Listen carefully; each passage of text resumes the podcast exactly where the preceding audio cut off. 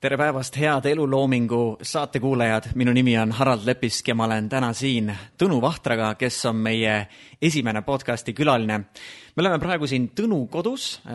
Tõnul on väga vahva maja, siin on tegelikult, võib-olla me kõnes jõuame eraldi sinna sukelduda, kõik tehnoloogiline pool, mis ta siia ise on ehitanud ja millise keskkonna ta on loonud. Tõnu on üks selline mees, kes mulle tundub, et suudab enda päevast sikutada veel teise päeva välja.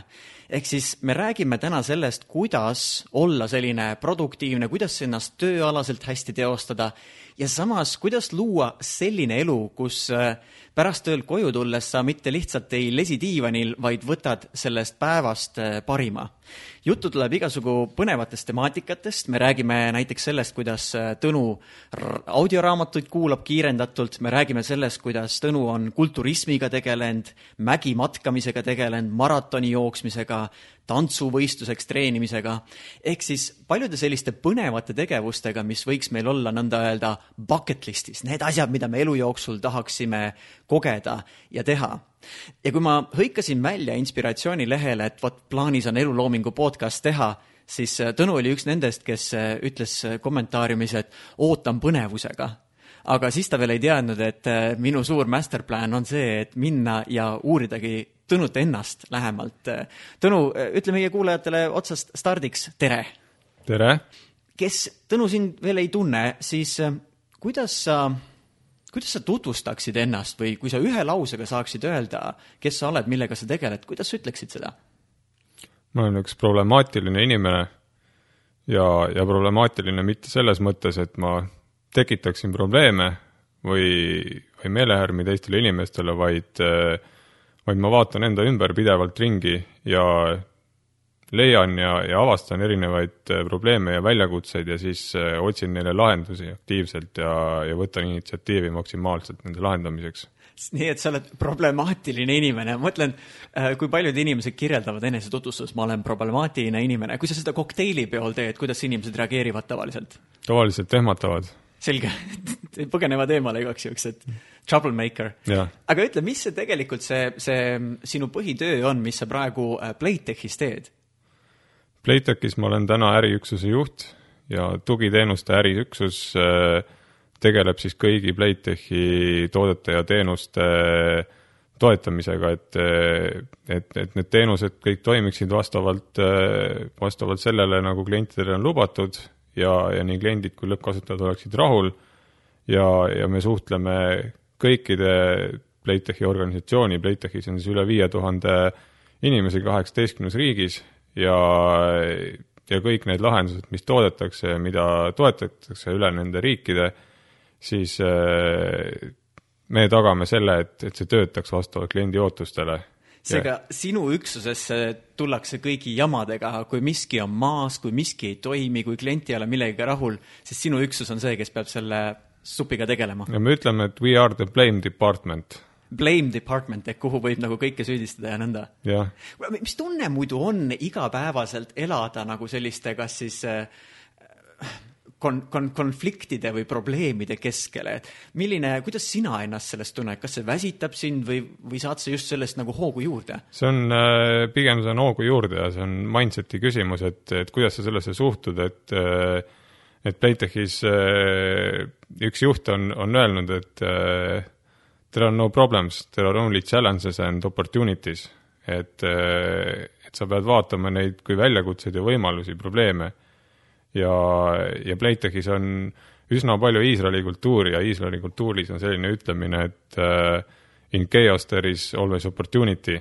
Ja, ja Playtechis uh, on maailma suurim ettevõte selles sektoris ja, ja siin on väga palju, väga palju kaost, mida, mida saab korrastada ja alati on, on väga palju võimalusi, et, et igav ei hakka mitte kunagi ja rutiini ei teki põhimõtteliselt. Kas see kaos ongi see, mis sind põnevile ajab? Ja, ja kui see kaose hetk on, siis kuidas sa saad mm,, ma mõtlen seda, et kuidas sa hoiad ennast selle pinge ja surve all, sest ma usun, sul on mingeid väga, väga intensiivseid perioode, aga kuidas sa hoiad selle surve all ennast siiski selles, et jaa, võimalus on, jaa, oo, et siin on opportunity, mitte et oh, neetud jälle mingi jama?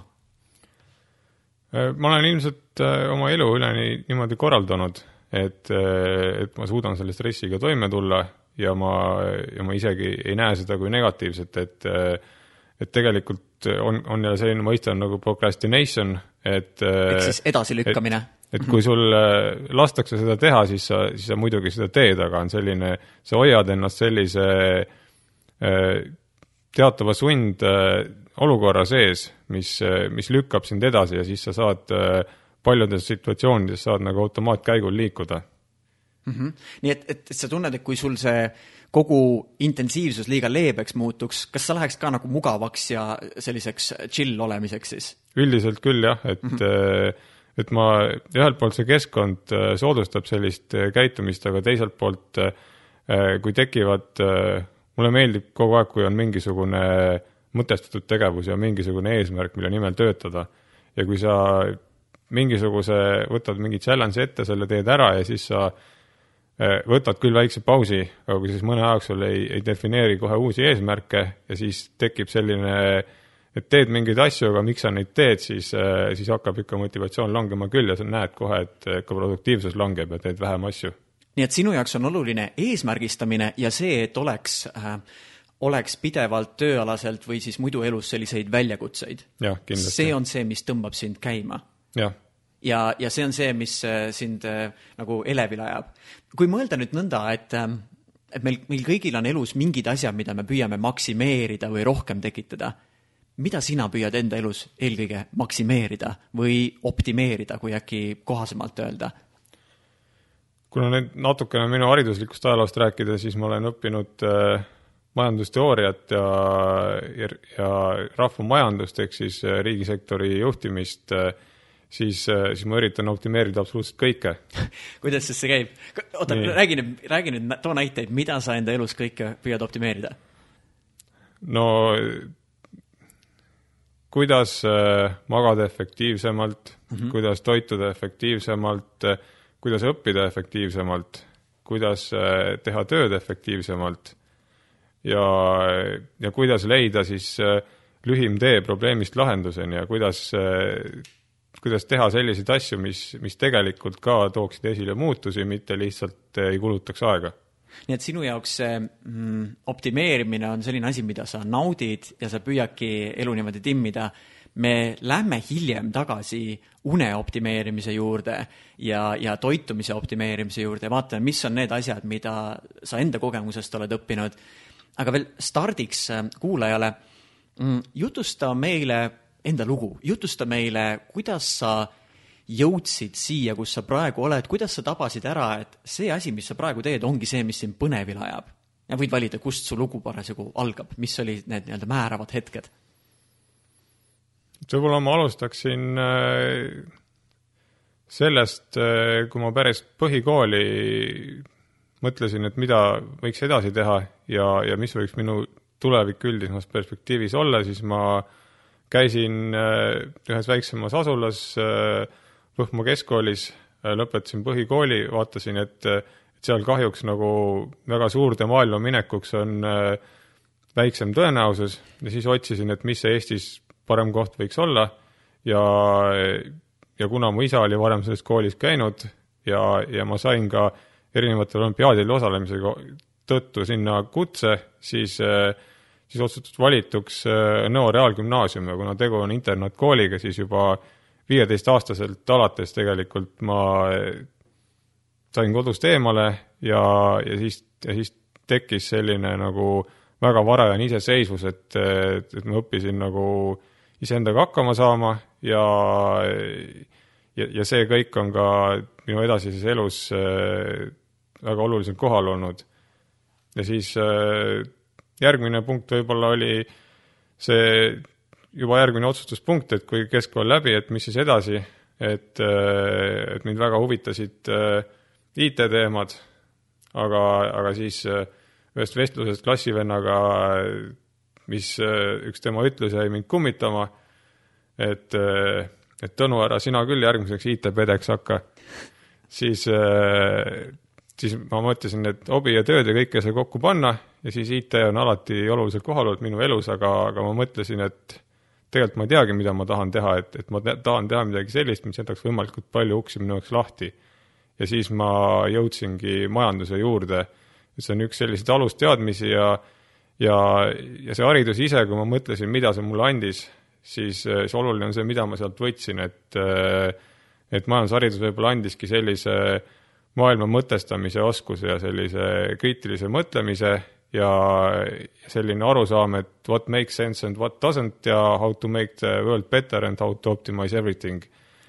ja, ja see on see, millest, millest ma siis olen lähtunud, et, et ülikooli ajal ma läksin äh, IT-firmasse tööle, siis Playtechi peaaegu kaksteist aastat tagasi ja, ja alguses tundus IT ja majandus üsna, üsna kauge teema, aga mida, mida kaugemale ma nüüd äh, vaatan ja, ja töös tegelikult aina rohkem on, on vaja juhtimist ja just äh, nagu ma mainisin, siis sellist avaliku sektori juhtimist, et Playtech on väga suur organisatsioon äh, äh, paljudes riikides, paljusid inimesi, kliendid ja, ja tegelikult see institutsioon käitubki suures osas nagu avalik sektor, et oma erinevate huvigruppide ja, ja dünaamikatega, siis, siis Playtechis võib-olla äh, toimus üks selline suurem äh, põhimõtteline muutus, et alguses ma olin äh, selline väga kinnine inimene ja, ja mul oli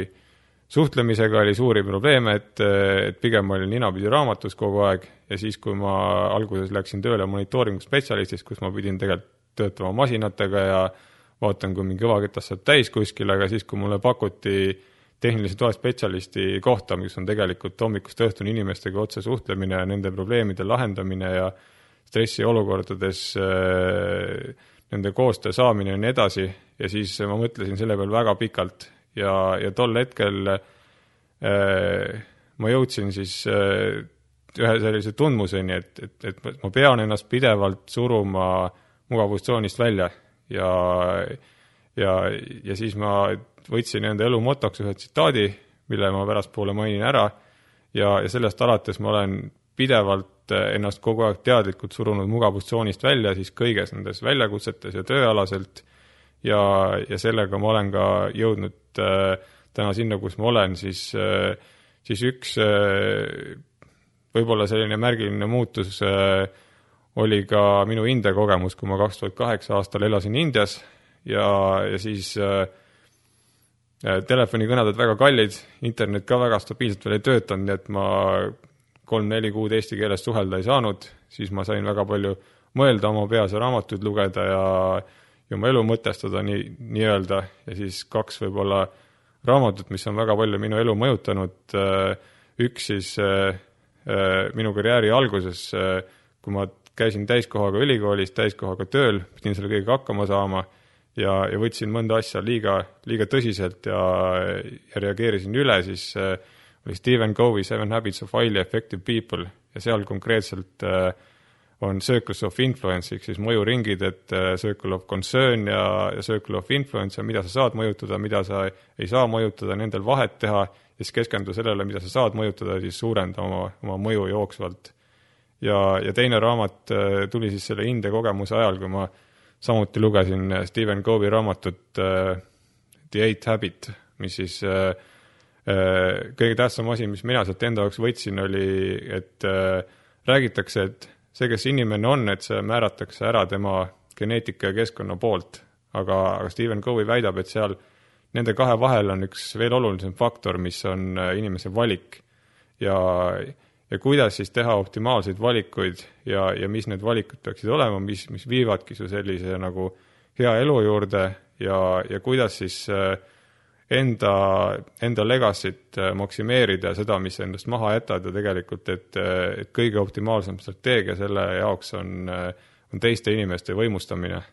ja te, teisi aidates sa jõuad ise kõige kaugemale räägi mulle veel seda, et sa kirjeldasid ühel hetkel, sa tundsid ära, et, et elu tulebki elada mugavustsoonist väljas. kas, kas seal oli nagu mingi selline kindel, kindel olukord ka, mis sus tekitas selle klõpsu peas või, või sa lihtsalt ajapikku said aru, et kui sa lähed mugavustsoonist välja, näiteks nagu sa tõid selle, et sa ei olnud muidu väga usin suhtleja, aga minnes sinna ja suheldes igapäevaselt, siis sa said aru, et sa muutusid. kas see oli mingi klõps või sa lihtsalt ajapikku said aru, et niimoodi elu ongi parem?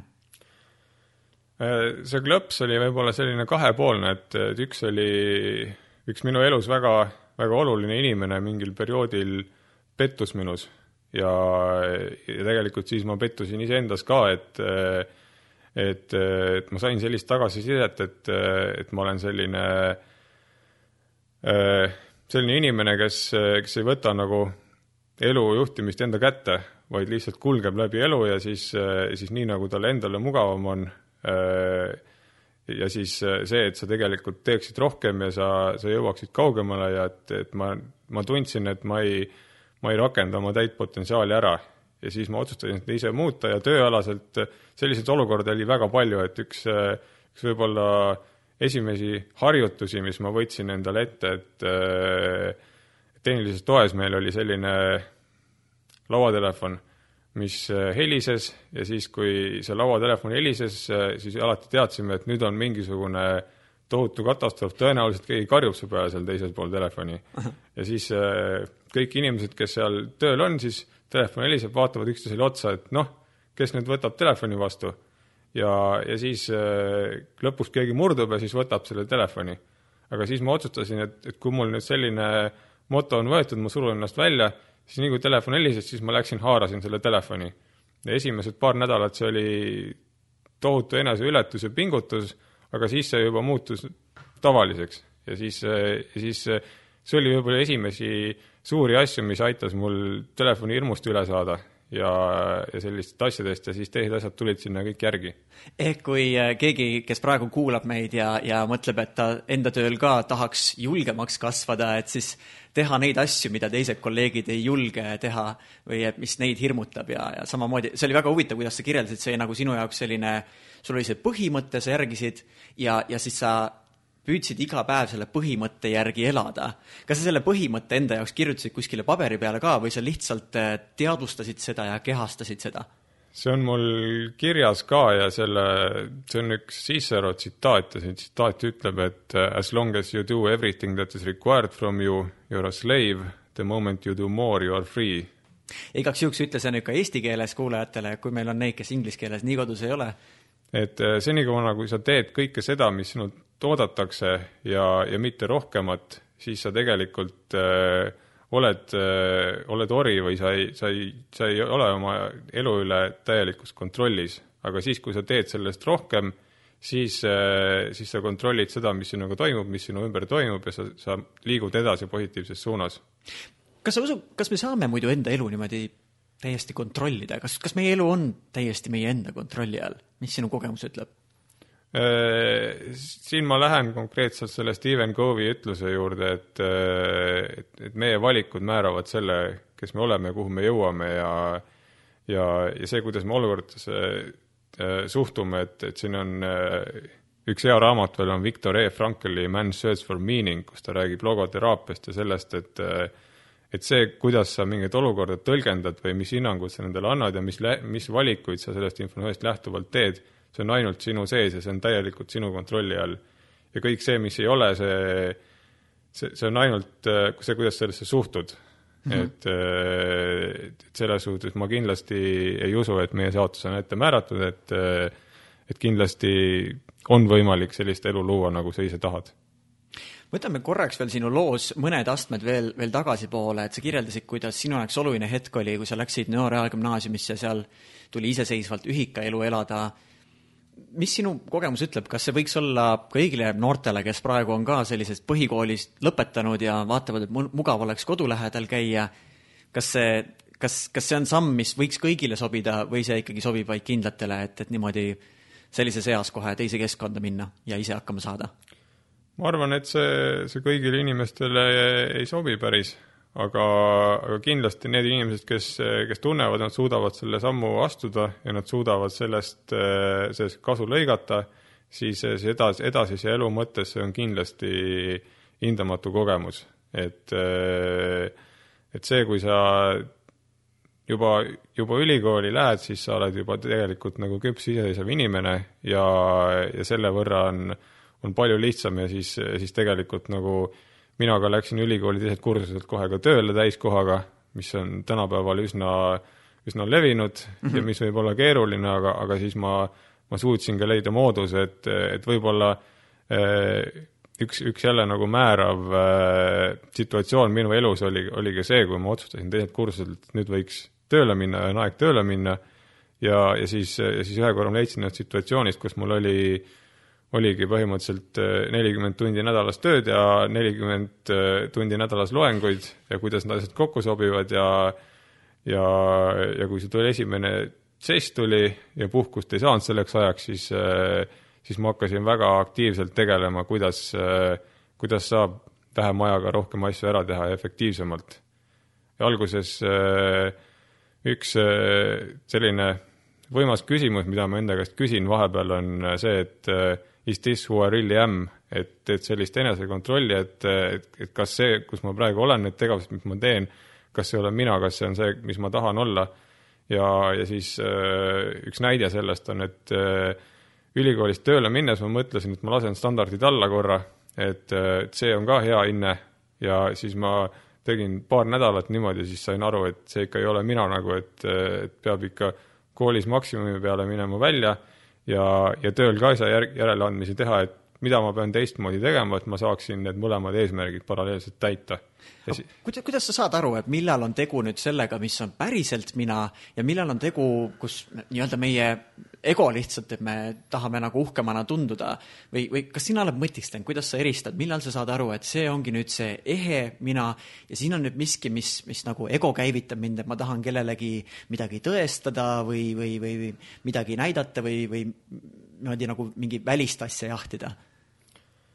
Selleni ma, ma olen jõudnud, ma olen enamus elust olen üksi elanud, nii et siis, kui ma ei ole tööl, siis ma saan väga palju mõelda mm -hmm. ja raamatuid lugeda ja mõtestada nii-öelda seda, mis mu ümber toimub. ja siis ma olen üritanud ka, ka lugeda väga palju erinevaid raamatuid ja siis, siis seda infot kokku panna, et näiteks Marcus Aureliuse Meditations või siis ma olen äh, budismi kohta lugenud, ma olen stoitsismi kohta lugenud ja siis, äh, siis sealt lähtuvalt ongi, et võib-olla äh, ma olen endiselt sellel otsingul, et, et mis on see minu tõekspidamised ja kuidas ma neid äh, tegevusi ja, ja mingeid eesmärke enda jaoks sõnastan, aga hetkel ma tunnen ennast kõige lähemal tegelikult stoitsismi tõekspidamistele, et see ongi selline suureski ebamäärane ja samas nagu arenev, arenev nähtus, kus äh, samas ta on ka ajatu, aga, aga, aga seal on kaks sellist äh, põhi, äh, põhiteesi, et üks on ikkagi nagu pidev eneseareng, et, äh, et võrreldes budismiga näiteks ta on väga pro-progress, et toetab ja kogu aeg edasi liikuv ja, ja siis milleks sa seda asja teed, see on inimkonna hüvanguks, et, et inimühiskonda edasi viia ja, ja see seostubki nende Stephen Covey ja siis äh, inimeste aitamise ja võimustamisega ja sellise partnerluse ja, ja koos mingite asjade tegemise. ja, ja siis eh, eks ikka pead mingeid isekaid asju ka endale lubama, et, et mingit motivatsiooni või mingit eesmärki on vaja, aga nendel on ka mingisugused konkreetsed eesmärgid siis antud juhul kui sa ütlesid, et eh, ühiskonna edasiviimine, siis mis on see, mida sina tahaksid ühiskonnas eelkõige eda-, edasi viia, kuhu sa tahaksid seda liigutada?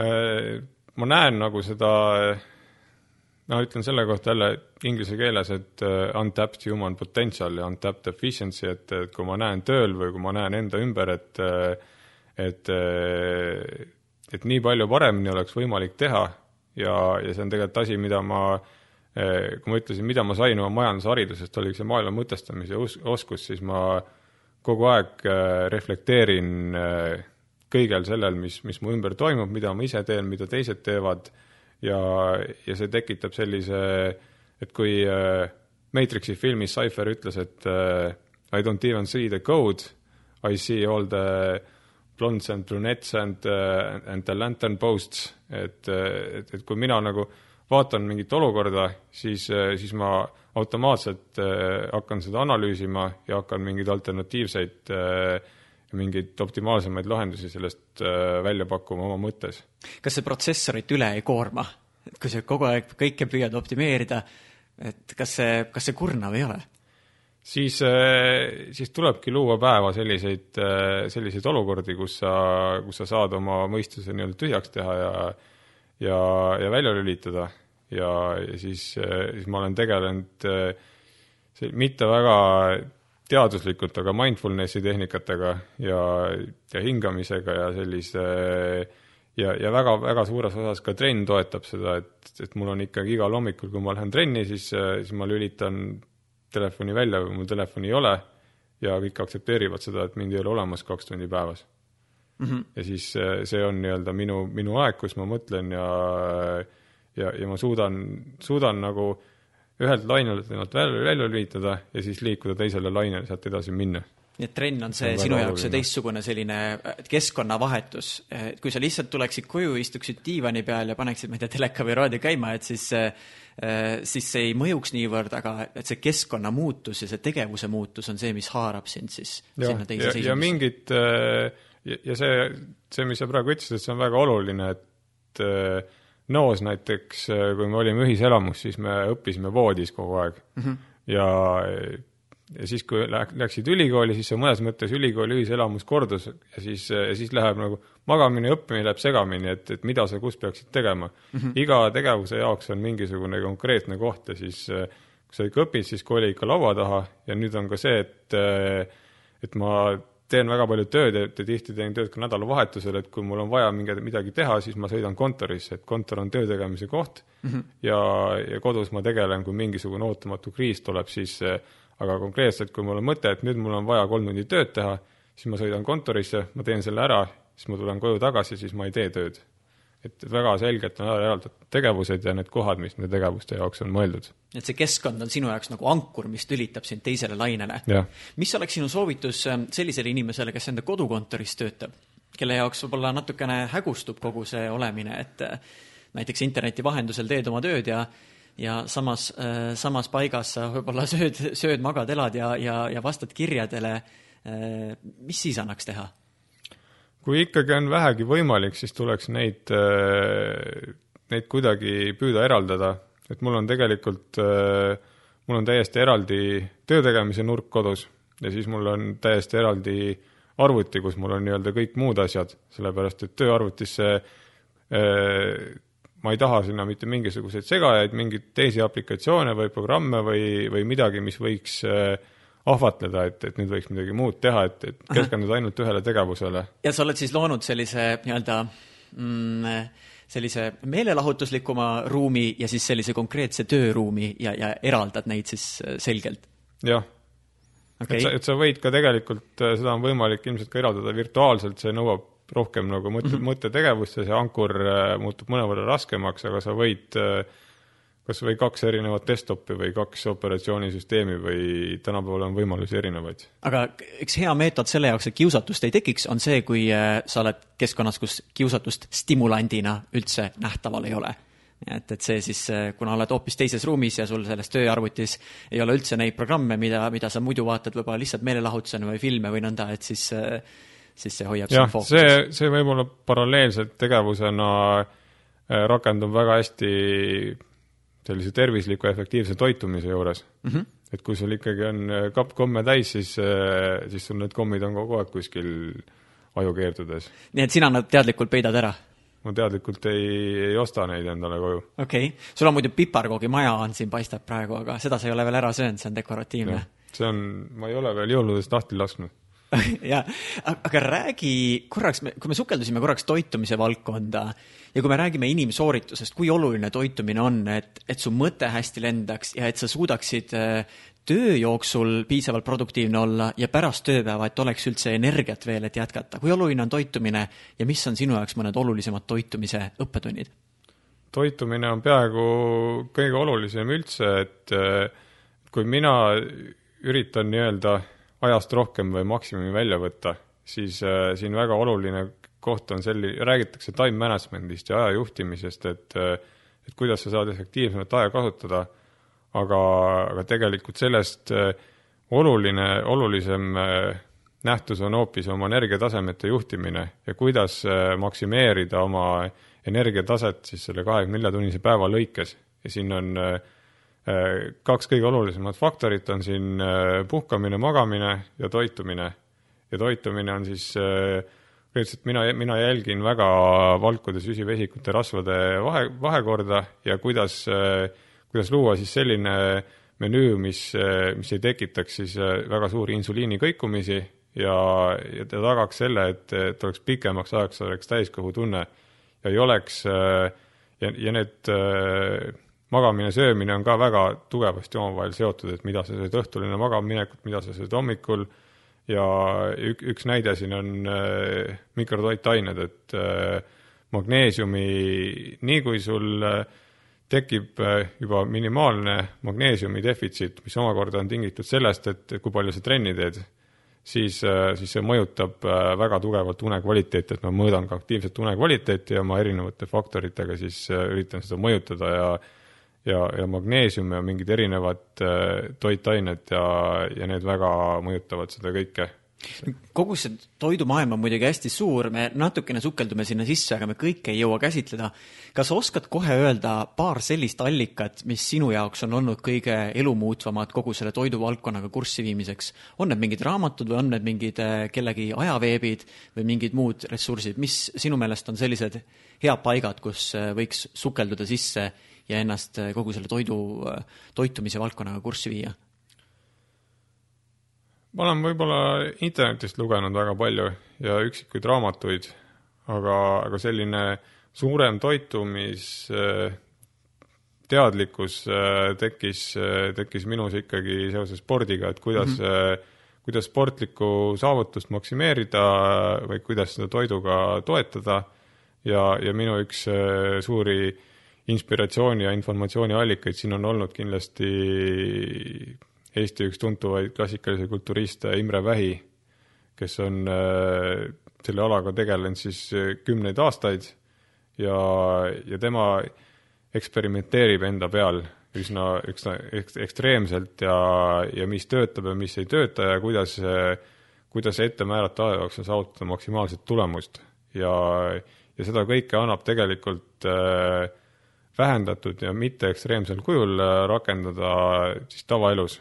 aga anna mõned sellised äh, vähem ekstreemsed, kes nüüd päris kulturismiga ei plaani tegeleda, aga mõned soovitused, ütleme siis kontoris töötavale inimesele, ähm, mis oleks äh, paar sellist toiduainet, mille sa kindlalt soovitaksid välja lülitada?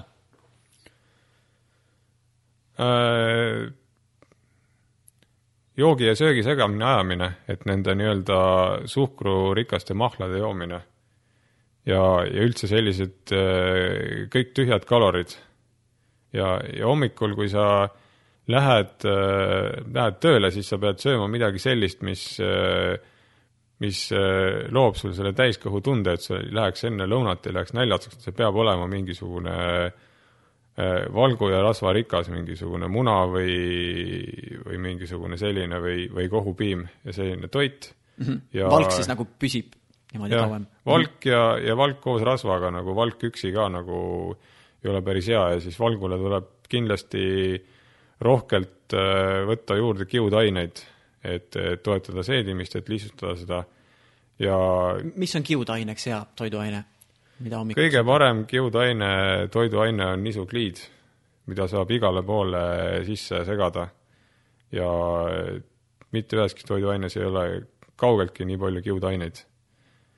ja, ja siis äh, lõunaks äh,, siis kui mul on mingisugune konkreetne eesmärk vaja täita, siis ma üldiselt äh, koostan oma toidu ise ja selleks ei ole väga palju võimalusi, aga õnneks on äh, tänapäeval kaubanduskettides on, lähed äh, Rimisse või lähed Maxi Marketisse, saad, äh, saad oma salati koostada nii-öelda täpselt sellistest koostisosadest, mis, äh, mis sul parasjagu vaja on.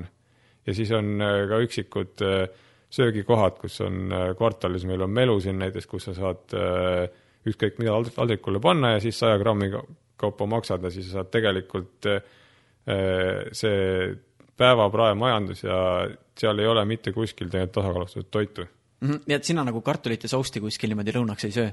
üldiselt äh, mitte mm. -hmm. see kartul muudaks sind äh, uimaseks ja, ja ei viiks sind niivõrd edasi? jah, ja ta on nii kähku läinud ka su organismist, et, äh, et, et see on muidugi selline toit äh, on mul vajalik enne spordivõistlusi laadimiseks mm -hmm.. okei okay., nii et igaks asjaks selline oma asi ja et see optimeerimine on omamoodi. kas on muidu mõni soovitus, mida me võiksime enda menüüsse veel rohkem juurde lülitada, kas mingid ained, mis on Eesti tingimustes elades väga head, mida võiks natukene juurde doseerida? erinevad äh, vitamiinid põhimõtteliselt ja kindlasti päikest ei ole mitte kunagi piisavalt Eestis, isegi, isegi suvel mitte, ja D-vitamiini, magneesiumi ja, ja toiduainetest äh, ikkagi süsivesikuid süüakse liiga palju mm. -hmm. ja, ja valku peaks sööma rohkem ja rasvasid ei peaks kartma okei okay., aga see on siis ikkagi, kui sa trenni teed, aga kui sa, kui sa ütleme kontoriinimene oled, kas siis peaks ka nagu valku rohkem tarbima, et?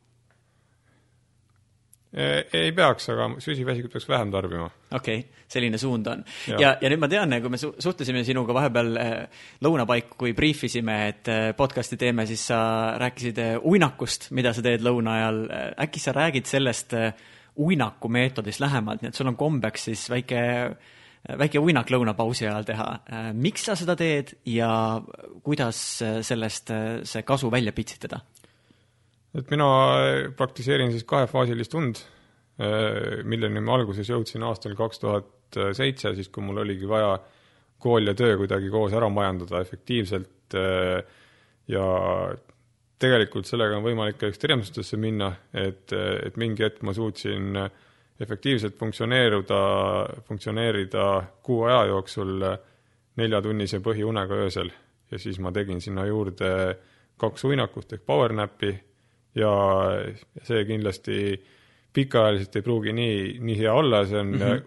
igast selle power nap'idega on selline probleem, et see on selline sotsiaalsesse ellu keeruliselt sobituv nähtus et kui sa teed rohkem kui ühe power nap'i juba, siis sa pead lihtsalt mingitel aegadel ära kaduma kuskilt teiste inimeste silma alt ja kõige ekstreemsem on äh, Uberman Sleep, mis on siis äh, iga nelja tunni tagant kahekümneminutiline uni, mida ma ise ei ole proovinud, aga see on, äh, töötab väga hästi, aga kõik inimesed lõpetavad selle ära, sellepärast et in-, teiste inimestega koos pole võimalik funktsioneerida sellise unerežiimiga. ja, ja mina siis äh, teen põhimõtteliselt, äh, öösel ma magan kuskil viis-kuus tundi ja ärkan hommikul üsna vara, et, et jõuaksin trenni ära teha enne tööd, aga siis äh, ma teengi tänasel päeval äh, äh lõunasööki lükkan veidi edasi, et, äh, et õhtul nälg liiga vara ei tuleks ja lähen kuskil kella äh, ühe paiku täna, lähen sööma, teen oma salati või, või, või panen söögi kokku selle peale läheb äh, kuskil viisteist kuni kolmkümmend minutit ja siis ülejäänud äh, pool tundi lõunapausist mul lähebki selle uinaku peale. ja, ja minu siis power nap'i kestvus on umbes täpselt kakskümmend kaks minutit.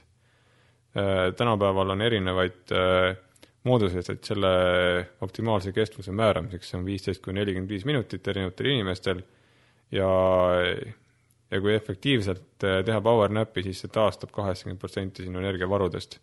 ja see tähendab, et, äh, et kui, äh, kui enamus inimestel hakkab kui, esiteks, kui sul on pärast lõunat, pärast sööki on nagunii selline uima, uimane olek, kui organism on hõivatud seedimistegevusega, siis saab sa ära kasutada seda. ja teiseks õhtupoolikul tahes-tahtmata, kui sa pead kuusteist tundi päevas järjest üleval olema, sul hakkab energiatase langema. aga mina teen poole päeva pealt päeva pooleks ja siis äh, alustan äh, kell kaks päeval sisuliselt äh, oma teise päevaga ja siis äh, saan äh, tegutseda väga kõrge energiatasemega kuni hilisõhtuni välja ja siis äh, mingi hetk äh, ma vaatan kella pealt, et nüüd ma pean minema magama, et oma unetunnid täis saada. kas see power nap äh, ehk siis selline lühike uinak, kas see on mõnes mõttes nagu siestatund on lõunamaades, et lastakse vaikselt silm looja? Äh, kas oma olemuses toimib see sarnaselt? ma arvan, et siesta üldiselt, üldiselt on pikem ja mm, -hmm. ja ta ei ole nii teaduslik ja nii efektiivne mm -hmm. ja minul on ta ikka väga selgelt eesmärgistatud ja, ja ma kasutan väga teadlikke meetodeid, et sinna jõudmiseks, et kuidas äh, enamus inimeste jaoks tundub hämmastav, et kuidas äh, on võimalik äh, vähem kui minutiga magama jääda. räägi sellest, kuidas sa saad kiiresti magama jääda, kuidas sa oled treeninud ennast kiiresti magama jääma? See alguses ongi üsna keeruline, et sa pead kõik oma mõtted peast välja saama väga kiiresti. ja et kui sul on töömõtted ja muud päevamõtted peas, tegelikult uni ei tule, tee mis tahad. Ja, ja selle jaoks aitavadki sellised lihtsamad mindfulnessi meetodid, et kõige lihtsam neist on selline teadlik hingamine ja enda siis kehafunktsioonidele keskendumine, et, et täidad oma peas nende mõtetega ära, muud mõtted lähevad korraks sinna hoiule ja siis, ja siis uni tulebki üsna kiiresti. nii et sa pöörad tähelepanu, kuidas mu keha ennast tunneb, kuidas veri mu jäsemetes Tun-, tunnetan oma mingisugust sõrme või varvast või kätt ja, ja mingit aeglast keha liikumist ja keha funktsioone ja siis või, või teadvustad hingamist, teadvustad, kuidas sa hingad sisse, kuidas sa hingad välja, kuidas sa hoiad hinge kinni võib-olla mingiks hetkeks mm -hmm. ja, ja siis need mõtted täidavad su pea ära ja muud asjad äh, lähevad kõrvale ja siis, siis uni tuleb oluliselt lihtsamalt. kas sa vajad seal keskkonnas ka mingeid kindlaid muudatusi, et on äh, pime ruum või et on, äh, sa saad mugavalt pikali visata? ma olen nüüd äh, peaaegu seitse aastat järjest praktiseerinud seda, enne seda ma proovisin lühema perioodi jooksul erinevaid meetodeid katsetanud, aga hetkel äh, peaks olema suhteliselt vaikne, et ei ole selliseid suuri segajaid, selleks ma kasutan äh, aktiivse müra summutusega kõrvaklappe. alguses ma kasutasin ka, ka silmaklappe, aga, aga leidsin, et töötab ka lihtsalt, paned silmad kinni ja siis äh, ei ole vaja silmaklappe eraldi. ja siis ma lihtsalt äh, istun toolis, pööran pea seina poole ja keegi ei tea, et ma seal olen ja, ja siis enam-vähem vaikne ja mingit ja sellest üldiselt piisab. aga sa pead, kas sa pead olema mingis magamisasendis ka või sa ütled, et istud toolis, sa võidki istudes selle siis ära teha või? ma üldiselt äh, teen istudes, jah. okei okay., vahepeal niimoodi, kui sa, kui sa nüüd tukkuma jääd, seda ohtu ei ole, et sa lihtsalt kukud maha tooli pealt või, või nõnda? see tool on selline ümber ah,. mugavam et, selline. et ta toetab nagu, et külje peal saad toetada ja, ja taha saad toetada mm. -hmm mis võiks olla mõned sellised äh, märksõnad või ressursid, mida võiks guugeldada need, kes tahavad natuke lähemalt uurida selle äh, kahe, kas, kas, kuidas seda kutsuda eesti keeles, kahefaasiline kahefaasiline uni, aga biphasic sleep mm -hmm. on, äh, on see võib-olla ja power napping ja, ja sellised, sellised nähtused. kas see võib sobida kõigile või see sobib ainult võib-olla kindlat tüüpi inimestele?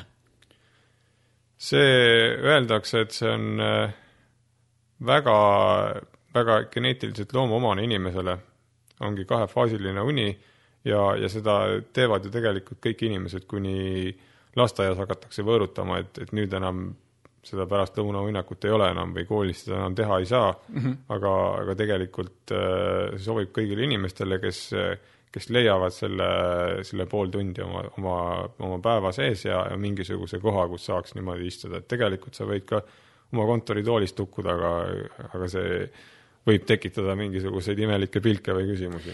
kui sa nüüd alustasid sellega, kas läks kõik ludinal või sinu jaoks ikkagi alguses läks see raskelt, ei õnnestunud magama jääda, ei õnnestunud ikkagi piisavat und kätte saada, kas algus oli keeruline, kui sa proovisid seda unetsükli vahetust?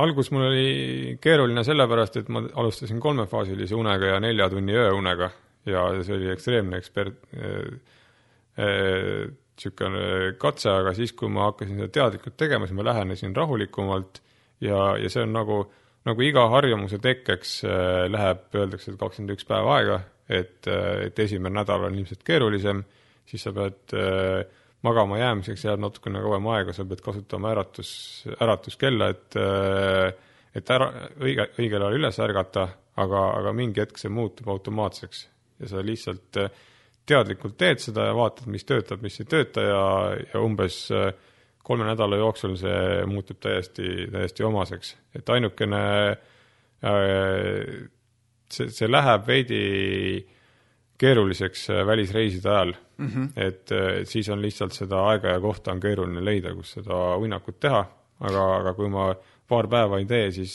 siis ma suudan täiesti samamoodi jätkata. okei okay,, paar päeva suudad, aga kui on pikem periood, siis on pärast jällegi raskem kohaneda, sest ma saan aru, keha harjub millegagi ära ja siis, kui sa muudad nüüd seda rütmi, siis äh, keha on natukene pahur.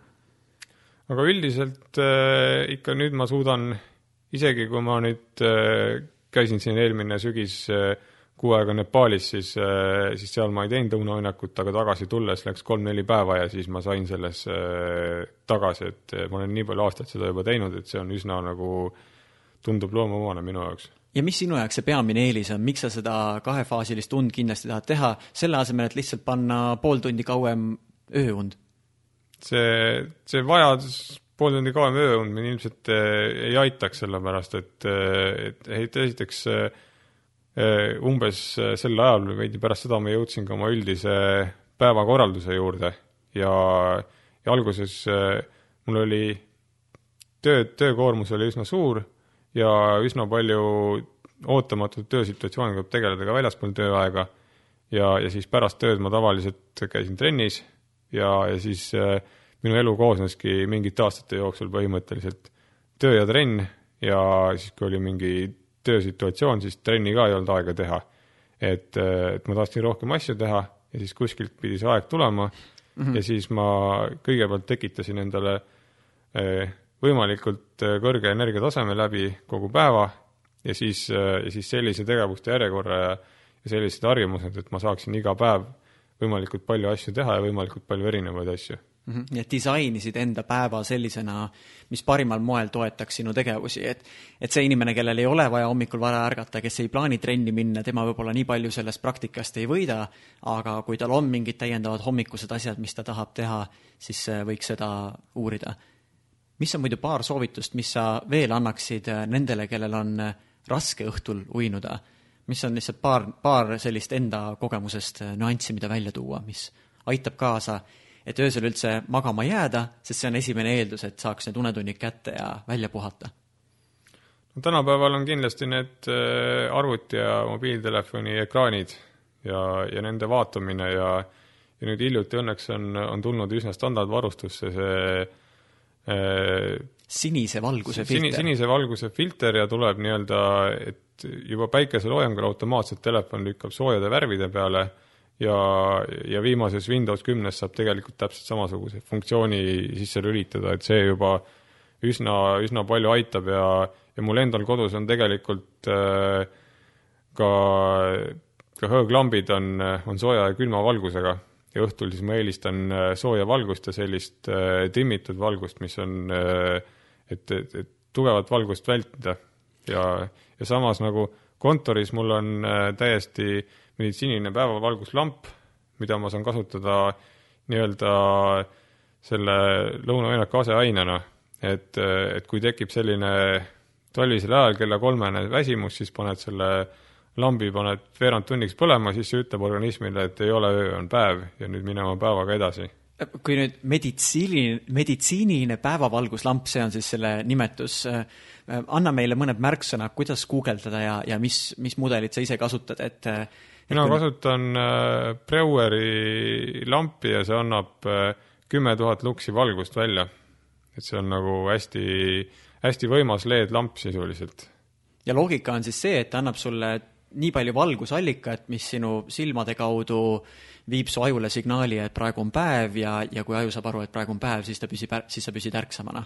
jah, et, et, et selline äh, talvine pime aeg, kui sa oled enamus aega pimedas ajas ja selline kontorsituatsioon, siis see tekitabki sellise, organismile ütleb, et nüüd on öö, et nüüd ma peaksin magama, et kõige paremini see sobibki võib-olla sellisesse nagu pimedal ajal kontori ja tööõhkkonda aga, aga mina tegelikult, äh, see oli üks selline katse jälle, et ma olen kõiki neid võimalikku metodoloogiaid katsetanud enda peal ja mis, mis töötab, mis ei tööta, siis tegelikult seda äh, päevavalguslampi mul otseselt vaja ei ole, kui mul, kui ma juba selle PowerNapiga saan ära kompenseerida mm. -hmm. et tegelikult vahel, kui mul PowerNapi ei ole vaja teha, siis, siis mina saan lahendada seda ka kohviga, sellepärast et ma väga palju kohvi ei joo ja siis, ja siis see töötab. Aga, aga kui sa PowerNapiga laed oma akud täis ja hakkad uut päeva pihta, siis kohvi juues sa tegelikult tekitad endale võla, mille sa pead hiljem tagasi maksma. nii et kohvi sulle tegelikult ei anna kohvi energiat ei anna juurde? energiat, sa ainult lükkad edasi seda et ta, et ta mingil hetkel kukub. ja mis sinu jaoks veel on põhjused, miks sa ise igapäevaselt kohvi ei tarbi või kas sa enamasti jood vett või? ma joon teed väga palju, hetkel siin ma joon kasemahla. kasemahla, okei okay et see on selline hea variant, aga kirjelda veel, miks tasuks enda kohvi doseerimist teadlikult võib-olla kas vähendada või, või piirata?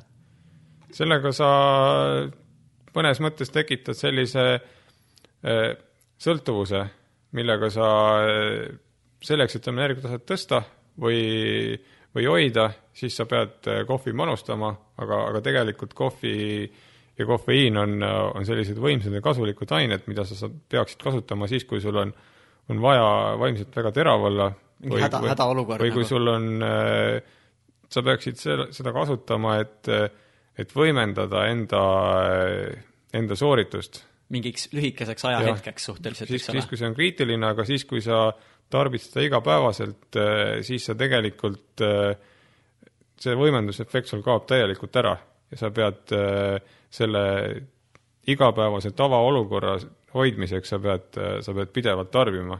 aga minul on, ongi konkreetselt, kui mul on vaja mingit maratoni või mingit pikemat spordivõistlust teha, siis, siis mingi hetk sul enam pulss ei lähe üles ja mm, -hmm. ja tekib selline nagu haamritunne, aga et seda edasi lükata, siis, siis sa saadki kofeiini abiga võtta nii-öelda selle, selle võla ja, ja, ja saada kõik oma energiavarud organismist kätte, aga siis, kui sa igapäevaselt tarbid, siis see efekt on oluliselt väiksem mm. -hmm. nii et äh, kallid kuulajad, kes te kohvijoojad olete, siis meie, meie üleskutse on teadvustada, millal sul päriselt kohvi läheb vaja ja kui sa oled lihtsalt harjunud, eh, et sa tahad sooja jooki juua, siis eh, on selleks ka hea variant tee.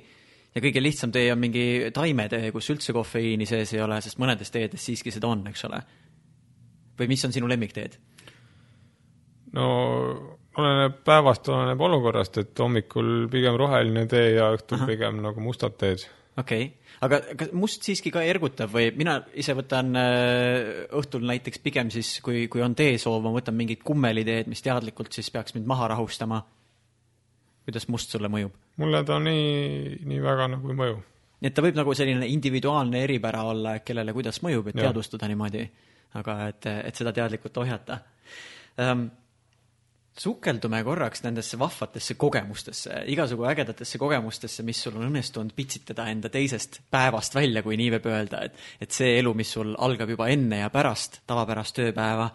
ja räägime mõningatest harjumustest. ma tean, et sul on harjumus kuulata raamatuid või nii-öelda lugeda raamatuid kuulates ja, ja ma saan aru, et sa teed väikse kiiksu ka nende, et sa lihtsalt ei kuula seda audioraamatut, vaid sa mängid selle tempoga miks sa neid kiirendad ja kuidas sulle mõjub siis kiirendatud raamatute kuulamine audioraamatutena? Äh, ma võib-olla räägin natukene taustaks, et kuidas ma sinna jõudsin üldse. et äh, see on seotud ühe teise väljakutsega, et kui ma treenisin äh, kulturismivõistluseks ja, ja mul oli vaja iga päev kaks pool, kolm tundi trenni teha ja, ja siis see treening, alguses sa paned treeningkava paika ja siis sa hoiad seal mingisugust äh, äh, variatiivsust, et organism ära ei harjuks sellega, aga, aga, aga tahes-tahtmata, kui sa iga päev seda teed ja kui selle rutiini endale tekitad, hommikul ja võib-olla õhtupoolikul ka, siis, äh, siis see muutub automaatseks. sa paned mõttes omal treeningkava paika hommikul ja siis mõtled, et mida, mida ma täpselt teen ja siis sa teed seda tegelikult täiesti automaatselt. ja, ja see peab ma... siis iga päev olema, et, et nädalavahetust vabaks ei võta? No too periood ma tegin üks päev nädalas kergema trenni mm. -hmm. aga, aga nüüd mul on jah, ikka üks puhkepäev ka praegu. ja igal juhul selline tegevus, et, et rutiin on, et magamisega on täpselt samamoodi, et et kõige kasulikum on ärgata igal hommikul igal samal ajal mm, -hmm. kaasa arvatud nädalavahetusel, muidu inimesed tekitavad endale nii-öelda sleep hangover'i et nad peavad taastuma nädala alguses sellest äh, nädalavahetuse hilisemast ärkamisest. kas sa siis ööklubides ei käi? ei, ma ei käi üldse ööklubides. jah, täitsa resoneerub, jah. jah, ja, ja, ja siis äh, äh, tekitas selline harjumus trenniga ja ma kogu aeg varem kuulasin muusikat trenni ajal. mingisuguseid äh, Spotify playlist'e, siis mingit ühte playlist'i vahel mingi sada korda ja siis mõtlesin, et teeks midagi kasulikumat ja siis ma hakkasin kuulama neid raamatuid ja siis äh, kuulad paar raamatut ära, vaatad, et äh, natuke aeglaselt räägib nagu, et võiks, võiks kiiremini kuulata ja siis äh, äh, ongi selline hommikune trenn, et tavaliselt kui ma jõuan kell seitse hommikul trenni või, või vahel isegi enne seitset, siis kedagi teist jõusaalis tavaliselt ei ole. või on seal vähe inimesi ja, ja kuna mul see trenn juba peas läbi mõeldud, mida ma teen, siis ma liigun automaatselt seal. Ja, ja siis hommikul vara on ka see, et sul on pea tühi mingitest päeva ja töö mõtetest ja see on ainukene aeg, kus sa suudad äh, jäägitult keskenduda, see keskendumine avaldubki nii, et äh, et ma hakkasin järjest kiirust tõstma, äh, siin kümne protsendi kaupa, et, et jõudsin siin saja protsendi, saja viiekümne, kahesaja protsendini ja, ja kahesajast protsendist üles, aga siis nii, kui sa jõuad selle hetkeni, et oot, mida ma nüüd kuulasin viimased mingi minut-kaks nagu ja siis kerid mm -hmm. tagasi kohe ja kohe paned kiirust alla. ja, ja siis, äh, kui ma suutsin äh, kahe tunni jooksul äh, kuulata mingisuguse kiirusega niimoodi, et mul üks või maksimum kaks korda tähelepanu hajus, siis, siis oli aeg kiirust tõsta. okei okay., kuhuni sa jõudsid? kui palju see siis, mis on sinu jaoks see ma jõudsin, see, see oleneb raamatust, aga, aga üheksakümmend protsenti raamatuid ma kuulan üle kahesaja protsendi kiirusega. ma jõudsin kahesaja viiekümne protsendini, sellepärast et see oli selle programmi maksimum mm. -hmm. ja siis ma kirjutasin selle programmi loojatele, et kuulge, lisage sinna kolmsada protsenti ka okay.. ja nüüd nad lisasid kolmsada protsenti ja nüüd ma olen äh, kuskil kahesaja kuuekümne ja kolmesaja protsendi vahel tavaliselt nii, aga oletame, tähtis õppetund oli see, et doseerida seda samm-sammu haaval, et mitte proovida kohe kaks-kolm korda kiirendada, vaid niimoodi protsendi haaval, kuni äh, sinu äh, ütleme siis vastuvõtuvõime kohaneb sellega ära. mis sa veel teed selleks, et nendes raamatutes olev info äh, siiski omanduks ja kinnistuks, et see sulle ka külge jääks? sest üks asi on kuulata see kiirelt läbi, aga teine oluline osa on, et kui suur osakaal sellest külge jääb kuidas sa toetad seda, et see sulle meelde jääks? Äh, ma avastasin enda jaoks neid raamatuid lugemas hakates väga hea keskkonna nagu Goodreads ja Goodreadsi varem ma teadsin ka, see oli üks interneti kõige suuremaid tsitaadikogumikke, ma sealt alati, kui otsid mingit tsitaati, sa satud sellesse keskkonda kõige esimesena ja need enamus tsitaate on mingitest raamatutest pärit.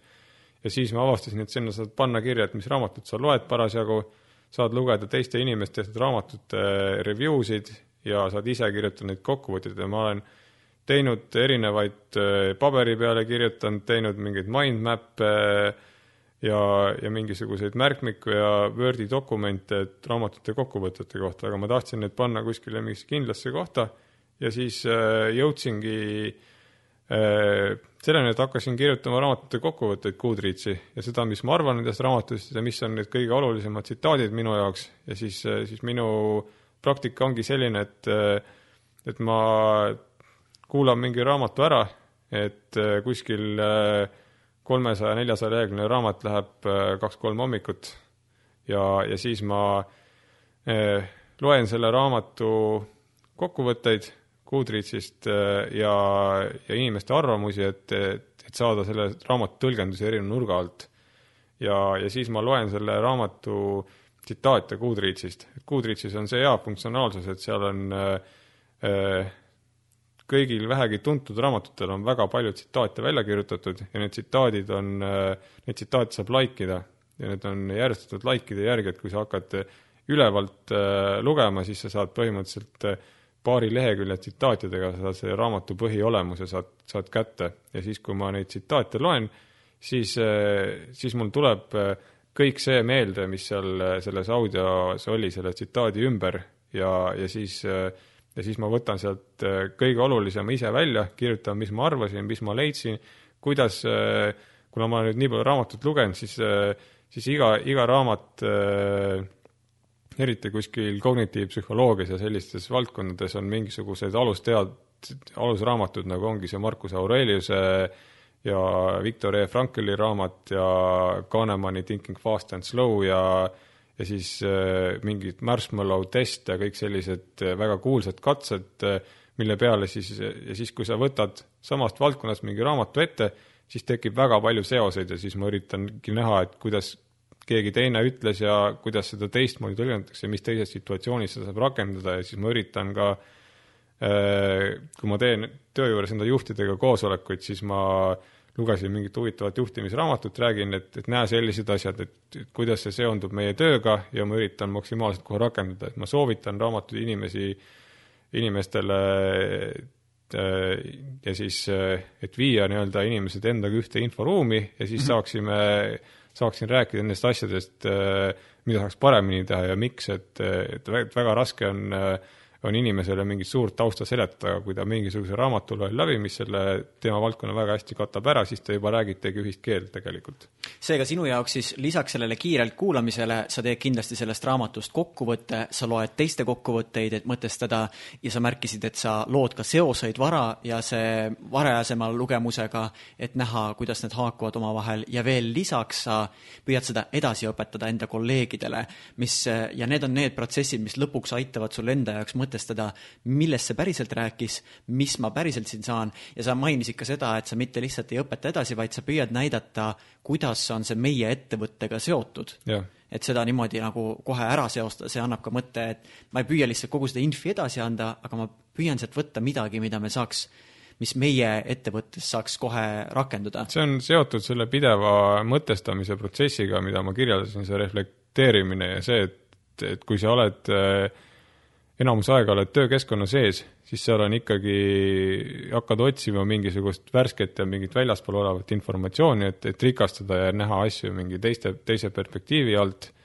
Ja, ja sellist äh, pikemaajalist äh, meeldejätmist, et, äh, et ma olen ka teinud tegelikult aasta kokkuvõtteid, et kui ma teen äh, viimane kord ma tegin ka need viimase aasta jooksul loetud raamatutest kokkuvõtte, kus ma tegelikult lugesin kõik need kokkuvõtted uuesti läbi, mis ma olin ise teinud mm -hmm. ja siis jagasin need raamatud kategooriatesse ja mis olid need, mis oli kõige huvitavam raamat ja, ja mis nagu äh, mis mind nagu isiksusena professionaalselt kõige rohkem arendas ja, ja millega ma olin nõus, millega ma ei olnud nõus ja mis on mingisuguses kategooriates head ja halvad raamatud ja ja siis ma läksin sellest kõigest nagu uuesti läbi ja nüüd, äh, ja nüüd ma paningi endale, minu sellised äh, ankrud on seal kuudriisis, et, et, et kui mul on vaja mingisuguse probleemi või olukorraga tegeleda mm, -hmm. siis ma tean, et ma olen selliseid, selliseid raamatuid lugenud selle kohta, ma lähen, loen nende raamatute kokkuvõtteid ja märksõnu uuesti ja siis mul tuleb nagu seesama raamat uuesti meelde,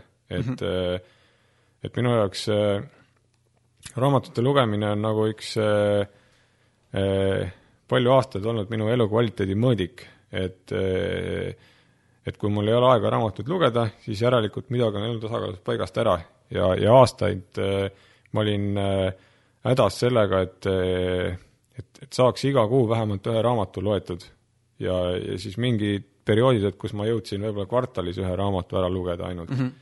ja siis, siis alguses selle trenni ajal ma hakkasin pihta, ma sain selle paari kuuga sain juba seal kümme-viisteist raamatut, siis ma mõtlesin, et äh, okei okay,, nüüd see trenni eesmärk sai läbi, paneme järgmise eesmärgi, et ma tahan lugeda aasta aega järjest äh, vähemalt ühe nädala raam-, ühe raamatu nädalas mm, -hmm. ehk mhm. siis viiskümmend kaks ja mul oli oktoobrikuuks oli see eesmärk saavutatud ja siis ma sain lõpuks seitsekümmend kolm äh, raamatut aasta lõpuks nii et see eesmärk on ikkagi vajalik asi sinu jaoks, et asjad toimima hakkaks, sa paned endale lati ja, ja siis sa püüad selle, sellele tasemele jõuda ähm,.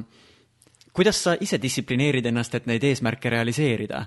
et kui näed, et nädala lõpp on tulemas ja see nädal ei ole jõudnud päris neid raamatuid läbi lugeda, et kuidas sa, sest, sest see eesmärk on ju, ainult sina tead seda või sa ütled selle avalikult välja äh,? raamatute eesmärk äh,, see on jälle Goodreads toetab seda, sa aasta -hmm. alguses paned endale niisuguse reading challenge'i okay. ja siis seal on kõik äh, sõbrad ja kontaktid, kes sul on, neil on omad challenge'il ja siis kommenteeritakse neid ja niisugune nagu community'd julgustatakse üksteist ja siis muidugi paned eesmärgi, siis sa jagad seda Facebooki ja lood nagu sellise sotsiaalse surve, surve ka, et, et, nüüd sa pead seda täitma ja sellest tagasi ei saa astuda mm. -hmm. et see on see, see, mis sinu jaoks siis aitab ennast niimoodi distsiplineerida ja, ja seda sooritust nõnda käigus hoida? Need eesmärgid lähevad, lähevad suuremaks, et, et kui mul oli Äh, mõtlesin, et eelmine aasta võtan natuke rahulikumalt, võtsin seitsekümmend kolm, et võtan kuuskümmend kaks raamatut ja nüüd mul on, äh, selle aasta eesmärk on äh,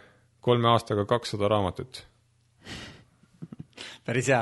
ja Goodreadsis, kuidas inimesed leiavad üles, kes tahavad otsida, mis kasutaja nime all sa oled? leiab äh, minu nime järgi põhimõtteliselt mm. -hmm. kui paned Tõnu Vahtra sisse, siis tuleb kenasti välja. või vaadake Eesti raamatute lugemise review'de toppe ma olen seal ka. Et selle esi, esikümne kaudu. ja nüüd oluline rõhuasetus siin siiski on see, et selle info kinnistamiseks ei piisa lihtsalt raamatu läbilugemisest, et läbilugemine ei saa olla ainus eesmärk, et see kinnistamise osa ka ja Tõnu ennem kirjeldas meile mitmeid moodusi, kuidas äh, seda kinnistamist ennast teha, sest muidu me saame lihtsalt ühe ägeda numbri, aga pärast ei mäleta, mis see on, et see kinnistamise osa kannab ka ja selle juurde võib-olla komment-, kui me rääkisime optimeerimisest, siis, äh, siis ma ütlesin, ma optimeerin kõike ja ma optimeerisin ka tegelikult äh, õppimist, et, äh, et, et kui ma käisin tööl ja ma pidin eksami sessideks õppima ja mingeid asju endale väga efektiivselt selgeks tegema, siis ma õppisin efektiivset õppimist mm. -hmm. lugesin, lugesin palju raamatuid ja lugesin internetist, kuidas mingit raamatut lugeda efektiivselt, uurisin ka mingeid kiirlugemise meetodeid ja, ja kuidas, kuidas, kuidas nagu võimalikult lühikese ajaga mingist raamatust kõige tähtsam kätte saada ja kuidas see asi ka meelde jätta. ja, ja siis ongi selline kolmefaasiline, et sa sirvid selle algusest lõpuni hästi kiiresti läbi, siis sa, sa loed ta läbi ja siis sa vaatad kolmandat korda veel ja siis sa teed selle kokkuvõtte, neid märkmeid, aga nende head kokkuvõtete süsteemi ja sellist nagu reflekteerimise süsteemi ma ei jõudnud selleni enne, kui ma jõudsin Goodreadsini kas sa muidu paberkandjal ka veel neid loed või, või sa loedki raamatuid eelkõige audiosalvestusena? ma üritan lugeda ka paberil nii palju kui võimalik. sellepärast äh, üks asi, mis äh, on väga oluline asjaolu selles, et kunagi mul käis äh, ka igasuguseid ajalehti koju, et mul käis Päevaleht ja Äripäev ja mingid ajakirjad ja ja need tuleb kõik ära lõpetada, need tellimused, sellepärast et äh, uudiseid ma kuulan põhimõtteliselt hommikul raadiost, kui ma sõidan tööle ja, ja muud ma nagu sellepärast, et, et kui me vaatame, kui palju aega meil läheb iga päev ajalehtede või ajakirjade lugemise peale ja, ja sealt ei saa sellist äh, püsivat väärtust tavaliselt mm, -hmm. siis, äh, siis sinna asemele lugeda mingisugust raamatut, siis ma arvan, et kuskil kakskümmend viis, kolmkümmend protsenti nendest raamatutest on äh, on paberkandjal, et no mingisugune raamat, äh, keskmiselt raamat kaks kuus võib-olla loen paberi peal ka, ma arvan. aga tunned, et läheb oluliselt aeglasemalt paberkandjal, eks ole, sest noh, lugemine kulutab lihtsalt aega rohkem äh, kuulamisega, sa saad selle info omandada kiiremini? Läheb aeglasemalt, äh, aga samas on sellised väga sellised äh, arendavad ja, ja väärtuslikud raamatud, siis ma, siis ma neid nagu võtan ja nendel ma veedan rohkem aega, kuna mulle meeldib raamatuid eh,, ostan raamatud kõik endale tavaliselt, mida ma loen mm -hmm. ja mhm. siis mulle meeldib neid eh, kommenteerida ja joonida ja mm, -hmm. ja mhm. välja sodida sealt mingeid asju ja siis eh, minu raamatud on kõik sellised väga kritseldusi täis mm. -hmm. nii et raamatukogust laenutades see meetod ei sobi, siis on vaja mingi ja. muu moodus leida, aga, aga nõnda. ja, ja ilukirjanduse puhul, kuivõrd sa üldse sellele äh, energiat paned või, sest seal need meetodid vist äh, nõndavõrd ei toimi, et, et seda kiirkuulates läbi mängida või mingit äh, ulmekirjanduse? ilu, ilukirjanduse puhul just, just nagu töötab. töötab? ja see on ainukene raamat, mida ma ei ma ei suutnud äh, väga kiiresti kuulata, oli Stephen Hawkingu Universe in a nutshell. okei okay,, liiga kange raamat. ma alustasin kahesaja protsendi pealt ja siis ma läksin saja kahekümne protsendi peale siis ma ikkagi, et äh, Steven, kuule, mida sa ajad seal, ma ei saa mitte midagi aru. ja ehk siis need raamatud, äh, kus ongi vaja seda mõttepausi, et korraks järele mõelda ja, ja hoomata kogu seda kihilisust nende lausete taga. jah, ja neid ma pigem, pigem eelistangi Äh, eelistan jah, nagu raamatu kujul ja siis seal ongi nagu joonida ja edasi-tagasi lapata muudkui ja, ja siis, äh, aga tegelikult see kiirkuulamine, et, et alguses ma mõtlesingi, et ma tahan, et mis see eesmärk on sellel lugemisel, et ma tahan ainult targemaks saada mm, -hmm. aga siis äh, kui sa võtad, siis ma hakkasin varieerima, et võtsin mingeid majandusraamatuid, juhtimisraamatuid, psühholoogiaraamatuid, mul on väga palju äh, Äh, big datast, artificial intelligence'ist, mingisugust tuleviku teemadest, füüsika teemadest. Ja, ja siis vaatasin, et kuidagi nagu kuiv tundus mingi hetk. Ja mm -hmm. siis, äh, siis ma hakkasin äh, võtma umbes sellise tempoga, et paar sellist tõsist raamatut ja ja siis, ja siis ilukirjanduslik raamat sinna vahele. Ja vahepeal on fifty-fifty, vahepeal on ilukirjanduslikke raamatuid rohkem ja ma olen selliseid äh, äh, pikemaid seeriaid äh, meeldib nagu vahele võtta, et eelmine aasta ma võtsin kõik Harry Potteri terve seeria äh,, siis äh,, siis kõik Lord of the Ringsi, kõik Tolkieni raamatud põhimõtteliselt, siis kogu selle see on jah, neid erinevaid olnud. Ja, ja see ongi nagu äh, ma ei olnud Harry Potteri raamatutega varem kokku puutunud, aga see on tegelikult ikka nii kaasahaarav, et mm, -hmm. et ma ainult sellepärast ootasin järgmise hommikutrenni, et ma saaks vaadata, kuidas, kuidas see nüüd edasi läheb. ja, ja mul said kõik need neli tuhat kolmsada lehekülge läbi pooleteise kuuga et see on äge, mis sa praegu kirjeldasid, et need kaks asja tekitasid omavahel sünergia, trennis käimine ja siis selle audioraamatu kuulamine ja kuna see raamat oli väga põnev ja sa alati kuulasid seda trennis olles, siis see muutis trenni sinu jaoks atraktiivsemaks, sest muidu trenn tunduks igavam, aga kui sa saad samal ajal selles maailmas olla ja ülejäänud teed nii-öelda lihasmälust, siis sul tekib äh, topelt, äh, topeltefekt.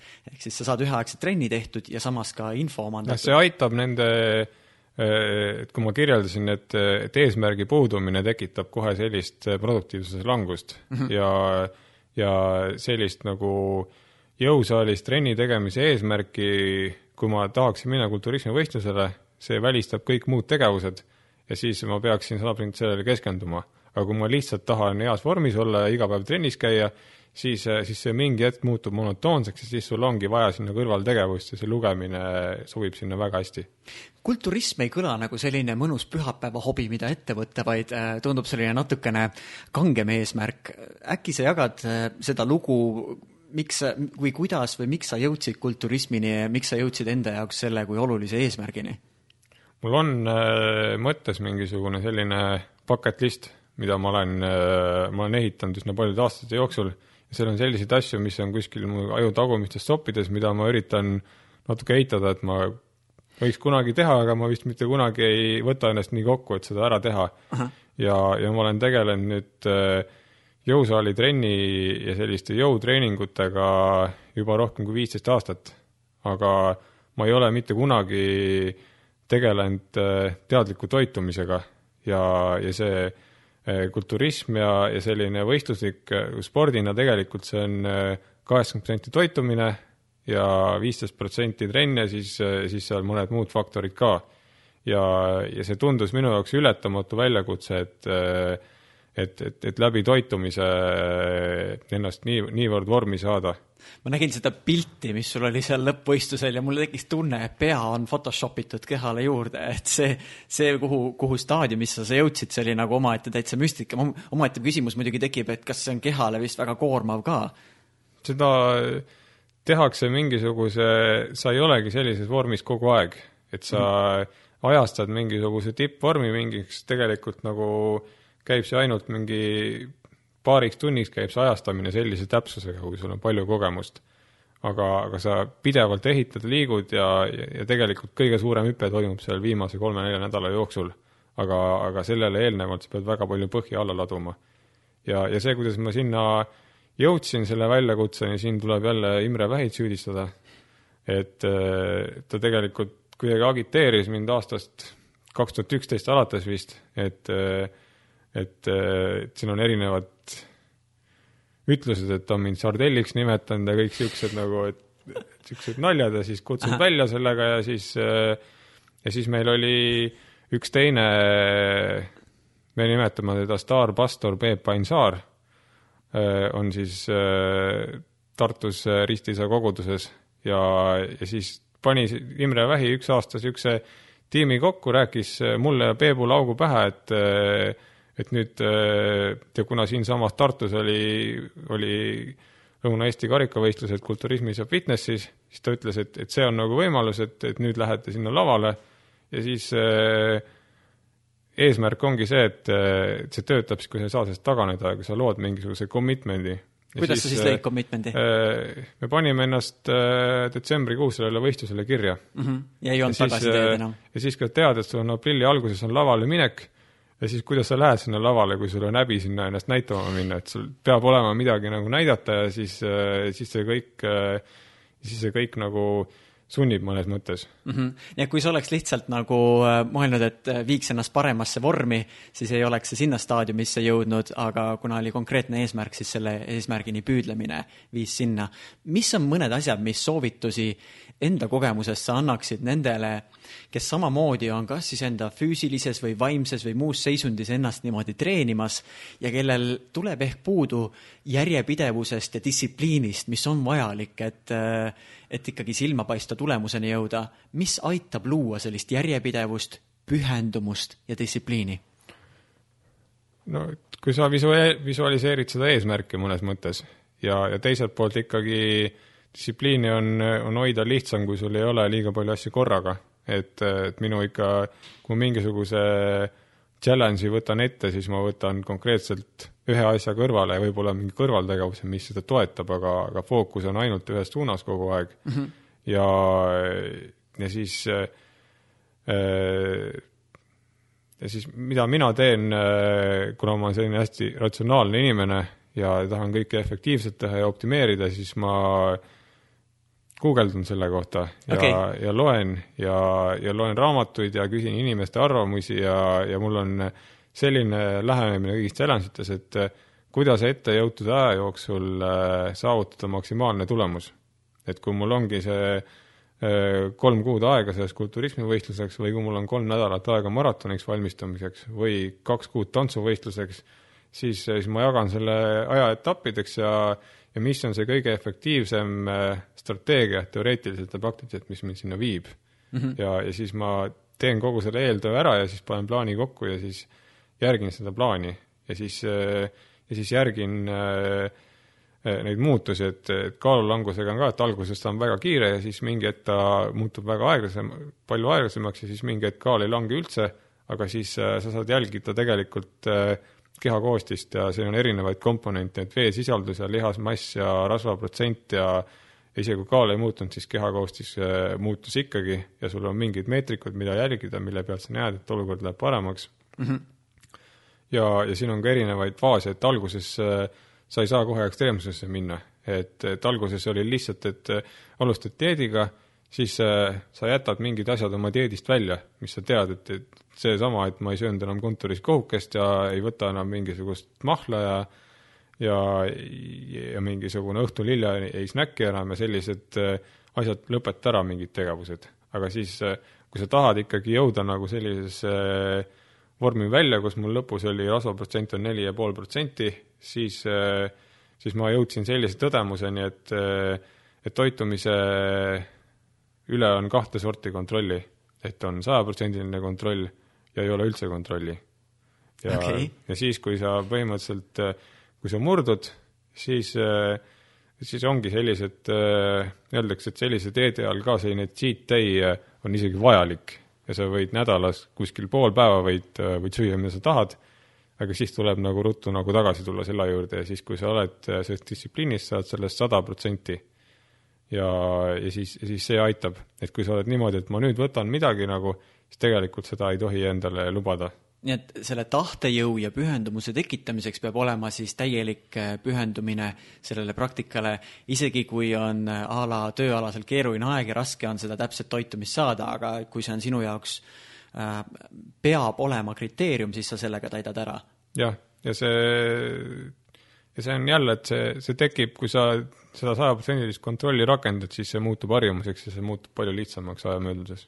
kas selline äh, distsiplineeritus ja pühendumine, kas see on nagu treenitav muskel, kas sa tunned, et sa kõigi nende asjadega, trenni tegemiste ja, ja raamatute lugemistega ja mida sa järjepidevalt oled aastaid teinud, oled sa treeninud endas mingi võimekuse, et kui sa nüüd uude valdkonda sisened, siis sa ei pea niivõrd võitlema selle nii-öelda distsipliini tekitamisega, vaid sa võtad äh, selle hoiaku või mõtteviisi, sisened sinna uude valdkonda ja saad seal kütta, ilma et oleks kahtlusi või selliseid äh, kõrvalekaldumisi? mul on selline struktureeritud äh, meetod selle järjepidevuse tekitamiseks ja ma olen siin tegelenud palju aastaid rattalaiutamisega, aga selle kohta on ka üks hea raamat, on Charles Duhig'i vist oli autor Willpower Effect yeah.. ja, ja tema põhitees on see, et iga inimese tahtejõud on tegelikult piiratud ressurss. mm -hmm. ja, ja see avaldub kõige paremini selles, et, et kui sul on olnud väga, väga raske päev ja emotsionaalselt või füüsiliselt oled mingit trenni teinud, nüüd ma just tulin Mallorcalt Riismaali laagrist, kus sa teed siin hommikuti alustad varahommikul ujumisega, siis sõidad ratast sada pluss kilomeetrit, siis käid jooksmas tund-poolteist ja siis lähed õhtul sööma sinna restorani ja siis äh, su tahtejõud on täiesti null või negatiivne ja siis sa seal ei saa enam rääkida mingist kontrollist toitumise üle, siis sa lihtsalt õgid põhimõtteliselt. see on see äh, kuulajale vahemärkusena, et äh, et äh, see on siis see Tõnu puhkamise stiil, et mitte palmi alla sa ei lähe, vaid äh, tuhat ükssada kilomeetrit rattaga. jah, nii et Mallorcale mõni läheb muidu lihtsalt mere äärde lesima, aga Tõnu jaoks on see puhkus hoopis teistsugune määratlus. sulle meeldib niimoodi puhata? jah, et, äh, et mulle meeldivad sellised, see on tegelikult see kevadine laager, et see aasta Triismaal, eelmine aasta Hawaii laager, et, et see on, kuidas äh, kuidas ennast äh, välihooajaks Eestis valmis panna. et äh, see annab sellise enese, hea enesetunde, et kui teised tulevad esimestele võistlustele kevadel, siis nad koledasti punitavad, aga aga sina lähed ja naudid seda ja siis, äh, siis teed ka normaalsema tulemuse ja, ja see teiselt poolt jällegi nagu moti-, motiveerib rohkem tegelema nende asjadega. homme on sul siis suur võistlus ees? Homme niivõrd selline sotsiaalne grupisõit, ehk siis äh, Grand Fondo, kus sõidetakse siis kolmsada viiskümmend inimest, sõidavad äh, sada seitsekümmend kilomeetrit. ja, et see, see kõlab praegu sinu sõnul nagu, võtame natuke, teeme sada seitsekümmend kilomeetrit veidi, sõidame. see on äh, Mallorcaga võrreldes on see selline mõnus veeremine tasasel maal okay.. seal me sõitsime sada kaheksakümmend kilomeetrit oli üks trenn ja selle käigus tuli tõusumeetrit peaaegu kaks tuhat et see võtmeaspekt sellises äh, enda lati tõstmises on see, et sa, sa teedki keerulistes oludes, sa treenidki ennast keerulistes oludes ja siis see keeruline väljakutse ei tundu enam nii hull, nii keeruline. noh, siis ongi see, et sa tekitad endale võimalikult äh, suure enesekindluse selleks hetkeks, kui sa, kui see väljakutse reaalselt käes on vaatame paari väljakutset veel. Äh, sul oli mõni aeg tagasi tantsuvõistlus ka käsil. räägi lühidalt lugu, kuidas sa äh, sattusid selleni, et äh, tuli siis kutse tantsuvõistlusel enda oskused proovile panna? ma olen ise tegelenud äh, ladina tantsudega üsna palju aastaid, siis salsa, bachata, kizomba ja nii edasi. ja muust tantsust tegelikult enamus elust ma olen väga tantsuvõõras inimene olnud, ma väga see, et, et mul see telefonihirm ja antisotsiaalsus ja kõik need faktorid, et siis tantsimine ka sinna kuskile ei sobinud enda alla. Mm.. aga kuidagi ma jõudsin, jõudsin siis äh, salsa ja bachata ladina tantsude juurde, aga, aga siis mul oli jälle, tuleme selle bucket list'i juurde tagasi, et mul oli bucket list'is oli ülikooli see saja päeva pall oli. Mm, -hmm. see aastapäeva pall oli äh, ja tahaks seal sinna minna korra ja siis äh, tekkis mingisugune partner, kellel oli ka huvi, et, et tahaks ka sinna pallile minna ja siis äh, läksin äh, seltskonnatantsu algajate kursusele. ja siis esimene aasta muidugi suurt midagi ei osanud, midagi aru ei saanud, seal hunnik inimesi sebis seal saalis ja ja siis, ja siis teine aasta käisin veel, siis natukene oskasin rohkem, aga ikkagi tegelikult algajate trennis seda tantsimist selgeks ei saa. ja siis sealt käisin ka hobitantsus mis on siis nii-öelda mitteprofessionaalide selline tantsukavad, et siin on vahe, et kas sa teed siis äh, lihtsalt nagu põhisammu ja selles algtantsurennis või sa harjutad mingeid kavasid, mis on siis sisuliselt hobitants. Ja, ja seda ma tegin vahelduva eduga niisugune aasta-poolteist, aga kui ma tegin seda kord nädalas või vahel kord kuus, siis mingist arengust reaalselt rääkida ei saa ja siis mul endal ka tegelikult motivatsioon kadus ära, et, et sellise äh, sellise treeningmahu ja sellise pühendumusega, kuna see mul prioriteet ei olnud, ei ole mitte kunagi võimalik võistlustele jõuda või, või seda nagu kuidagi nautida, seda tegevust ja siis ma tookord jätsin selle katki. aga siis äh, äh, sattusin äh, jälle sünnipäeval ühes seltskonnas äh, rääkima ühe tantsutreeneriga, kes äh, lihtsalt läks jutt tantsimise peale, et ma olen kunagi sellega tegelenud siis, äh, siis pakkus välja, et võiks natuke meelde tuletada, võtsin äh, mõned eratunnid ja et, et mingisuguseid äh, kavasid meelde tuletada, midagi teha ja siis, ja siis see oli, tookord oli oktoobrikuu ja siis ma jälle tegin seda umbes niimoodi, et kord kuus, kaks korda kuus käisin, eriti nagu ei arenenud, mingid kavad nagu tekkisid, mingit konkreetset eesmärki ei olnud ja siis võiks, ja siis too konkreetne hooaeg sai läbi ja ma mõtlesin, et mis nüüd edasi saab ja siis treener tegelikult pakkus, et ta ise oli Ameerikas, on selline pro-amatöör tantsimine on väga, väga levinud,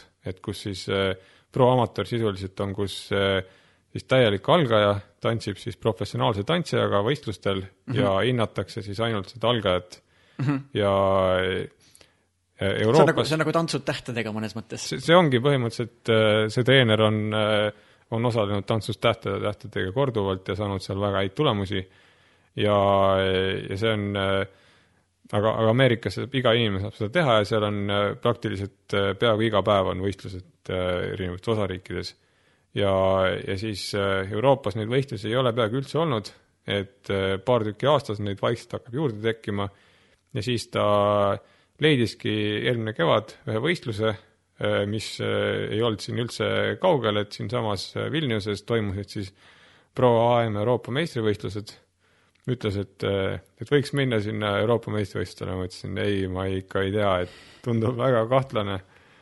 Ja ja siis äh, see oli ka tegelikult selline tantsuvõistlus oli mul äh, samamoodi bucket list'is, aga, aga lihtsalt nagu selline, et tahaks käia nagu tantsuvõistlusel, aga, aga see ei, see ei tundu selline väga äh, motiveeriv miks ma sellest eemale äh, olin hoidnud, et minu tantsimine nägi visuaalselt nii kole välja tavaliselt, et äh, see nõuab väga suurt äh, pingutust ja väga palju harjutamist, et, et seda ka, ma olen käinud ka päris algajate tantsuvõistlustel ja see ei ole nagu, seda ei ole väga ilus vaadata. ehk siis, kui me mõtleme nüüd näiteks kulturismi valdkonda versus tantsimise valdkonda, siis nad on ikka väga erinevad, eks ole, oma, oma liikumises, enda olemuses, kõiges selles. ja siis äh, põhimõtteliselt äh, ja siis, ja siis me arutasimegi treeneriga, et mis see eesmärk siis võiks olla.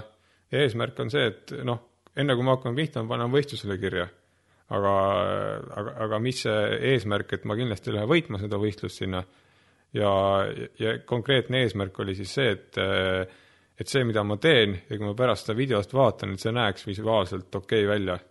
okei et sa ise nagu julgeksid seda vaadata pärast? jah mm -hmm. ja, ja see eesmärk sai, sai väga hästi täidetud, lõpuks ikkagi äh, julgesin minna Euroopa meistrivõistluste finaali sinna põhimõtteliselt ma-, maailma ja Euroopa meistrivõist-, meistritega koos tantsima ja ma kindlasti jäin neist üsna palju maha nagu, aga mitte nii palju, et, et ma totaalne käpard tunduksin seal selle tantsuplatsi peal. ja, ja see väljakutse võib-olla senistest, ta on teistsugune kulturismiga võrreldes, aga ta on mõnes mõttes kõige raskem, sellepärast et et, et võistlustants on äh, sisuliselt lihasmälutreening, et sa mingisugused, äh, seal on väga palju erinevaid nüansse, mida sa pead tähele panema ja siis sa neid nüansse äh, ühte kava sa võid harjutada aasta aega või veel kauem kogu aeg, iga päev. ja, ja see mingisuguse nüansi treenid endale nädalaid või kuid vahel, et see jääks täiesti lihasmällu, et sa peaks selle peale mõtlema, siis sa hakkad sinna järgmist komponenti peale ehitama mm. -hmm. aga mul oli põhimõtteliselt äh, maikuus hakkasime treenima, mai lõpus, ja augusti alguses oli, äh, oli võistlus. nii et äh, kaks ja pool kuud umbes oli aega, tegime täiesti uued kavad ja siis hakkasime neid treenima ja sisuliselt mul ei olnud üldse aega midagi lihasmällu jätta, et ma võtsin ühe komponendi, ma võtsin teise sinna peale ja siis mingi hetkeni ma pidasin sellega vastu, aga siis aga siis tekkis niimoodi, et, et ma pean kümmet asja korraga meeles pidama teadlikult ja siis neid tegema ja siis äh, jälgima seda, mida partner teeb ja siis pannakse sinna üheteistkümnes juurde ja siis kukuvad kõik eelmised kümme kokku nagu kaardimaja. ja siis mm -hmm. äh, ajad põhisammu sassi ja siis ei tule enam mitte midagi välja ja siis oli, iga trenn oli selline ja sellest äh, see mingi hetk muutus nagu väga nagu raskeks, sa pidid tegelikult enne seda äh, tantsutrenni minekut sa pidid mediteerima ja enda, enda pea tühjaks tegema, et kui sul on mingid peamõtted, et sa pead äh, see on suur vahe, et nad on kõik eratrennid ja, ja kui sa äh, lähed äh, mingisse grupitrenni ja sa oled päevast väsinud, sa võid seal sotsiaalselt looderduda nii-öelda yeah., aga kui sa oled eratrennis, siis fookus on sada protsenti sinu peal kogu aeg ja sult nõutakse kogu aeg sada kakskümmend protsenti ja sa pead seal olema maksimaalselt kohal. ja, ja siis me suurendasime veel treeningmahtusid lõpus, et, et viimane see kaks nädalat ettevalmistusperiood mul oli, tihti oli kaks trenni päevas, hommikul kell seitse teed tantsutrenni ja õhtul kell kümme teed teise otsa veel.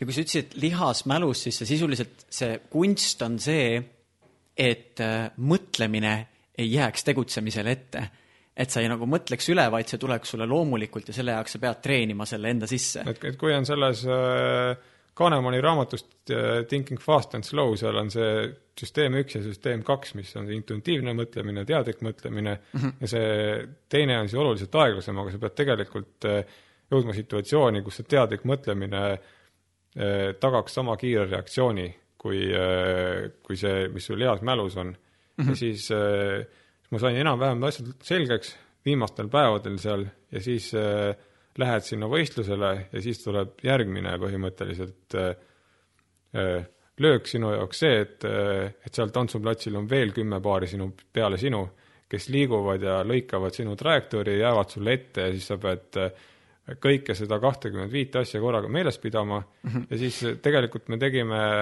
ma tegin selle kohta ka sellise mind map'i ja sellise nimekirja, et, et mul on iga tantsu jaoks on mingisugused top viis asja, mida ma kogu aeg hoian meeles ja millele ma keskendun ja siis, kui muud asjad tulevad nii välja, nii välja, nagu need tulevad, aga siis ikkagi nagu, kui keegi tuleb sulle ette, sa ei saa sealt minna, siis sa pead käigu pealt kõik ümber mõtlema ja, ja täiesti nagu nullist alustama.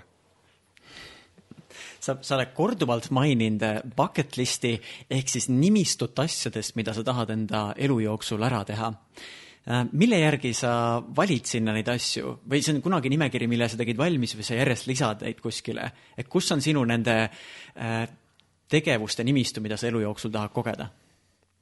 see on mul suhteliselt äh, peas enamasti. Mm, -hmm. aga, aga siin on sellised väga toored mõtted, sellised asjad, mida ma olen vaikselt edasi arendanud. Ja siin on langevarjuhüpe on siin näiteks. Ja, ja siin on äh, konkreetselt langevarjuhüpe Dubais sinna selle saare peale mm. -hmm. ja siis äh, sellised asjad. ja, ja maratoni jooksmine ja maratonil mul on mingisugused, äh, mingisugused eesmärgid, et äh, võib-olla üks, üks esimesi selliseid suuremaid eesmärke, mis ma ära tegin, oli kaks tuhat kaksteist, kui mul oli selline aasta, kus ma keskendusin jõu tõstmisele ja sellisele maksimaalsele jõule. mul on eesmärk äh, suruda rinnalt sada viiskümmend kilo. selle ma surusin kaks tuhat kaksteist aastal ära, nüüd ma ei ole jõutreeningule pärast seda väga aktiivselt keskendunud mm. -hmm. ja siis mul on mingisugused eesmärgid, äh, et joosta maraton, joosta poolmaraton, mingisugused distantsid ja siis, kui sa distantsi oled ära teinud, siis see tšekk on kirjas, siis sa paned mingisuguse eesmärgi, et, äh, et mul oli eesmärk joosta maraton kiiremini kui kolm kolmkümmend. ja, ja siis äh, selleks mul läks eh, kolmas maraton, siis kui ma, siis kui ma tegin eh, kolm kakskümmend seitse, et see eesmärk on nüüd täidetud, aga mul on ka eesmärgid poolmaratoni ja kümne kilomeetri jaoks mm. -hmm. eesmärk on sinu jaoks selline asendamatu komponent, mis alati on, eh, mis alati on sees. meie praegune vestlus on päris, päris paljusid asju käsitlenud. Ehm, ja kui me nüüd siin viimases, viimases nii-öelda finaalspurdis mõned mõtted kokku võtaksime siis äh, tahaksin küsida mõned küsimused veel, näiteks sellise. Mm, mis on üks igapäevane harjumus, millest sa kindlasti ei loobuks? ma arvan, et, äh, et trenn on see, mida ma peaaegu iga päev teen ja, ja siis äh, ühelt poolt äh, see, et, et terves kehas terve vaim ja, ja, ja kui on tugev füüsis ja sul on hea vastupidavus ja, ja just see vastupidavussport, mis, mis annab sulle madala pulsi rahulolekus, see, see aitab ka tööl väga hästi vastu pidada ja, ja vaimse stressi rikaste olukordadega tegeleda. Ja teiselt poolt on, on see nii-öelda see tehnoloogia vaba hetk ja see, kus ma lülitan ennast kõigest välja, et kui ma siit äh, lähen jooksma või rattaga sõitma kodust, siis ma ei võta telefoni kaasa ja kui ma lähen jõusaali, siis ma panen ka telefoni kappi ära, et siis tegelikult mind ei ole võimalik kätte saada. Ja see annab sellise, et, et kui tavaliselt tööalaselt ma võin kakskümmend neli seitse Äh, minuga võetakse ühendust, kui mingisugune kriisisituatsioon on, siis nendel olukordadel äh, see aitab mul mõtteid ja pead tühjaks teha, et teisi, teisi asju mõelda, kui ma tean, et isegi kui midagi on, siis, äh, siis see on minu aeg ja, ja ma saan seda kasutada, et oma, oma pead tühjemaks teha ja alustuseks, kes ei ole kippunud igapäevaselt trenni tegema, et piisab ilmselt väiksemast hommikusest jooksust või jalutuskäigust või, või mingit laadi võimlemisest, et see harjumus tekitada ja, ja siis kasvatada seda enda jaoks suuremaks. kõige tähtsam on see rutiin tekitada, et sa saad kodust välja lihtsalt, et mm -hmm. sa mhm. saad äh, juba see, et sa saad voodist üles hommikul. on, mille nimel ärgata. jah. Mis on sinu jaoks, äh, mida sa tunned, et on sinu elu parim investeering? kuhu paigutatud aeg või raha sinu meelest on toonud sinu jaoks kõige paremaid eludividende tagasi? selle kohta Warren Buffett vist ütles hästi, et uh, the best investments you can ever make is investments in yourself mm. -hmm. investeering iseendasse. et enese, eneseinvesteeringud ja, ja see kõik need, kõik need teadmised, mis ma olen enda ja need, need oskused ja, ja kuidas neid asju omavahel kombineerida, et, et jõuda just, just selleni äh,, elada maksimaalse energiatasemega ja, ja seda, seda rakendada võimalikult, võimalikult efektiivselt, tehes siis õigeid valikuid ja, ja, ja liikudes edasi eesmärkide poole. Ja mis on see, mille poolest sina tahad äh, inimestele meelde jääda? oletame, kui nüüd äh, kunagi kui vanaks sa plaanid elada või on sul see ka eesmärgina bucket list'is? ei, sellist eesmärki ma ei ole pannud. okei okay., aga et äh, kui sa nüüd ühel päeval vaatad elule tagasi ja vaatad, mis tehtud on, siis mille poolest sa eelkõige tahaksid meelde jääda, kas siis inimesena või enda tegude poolest?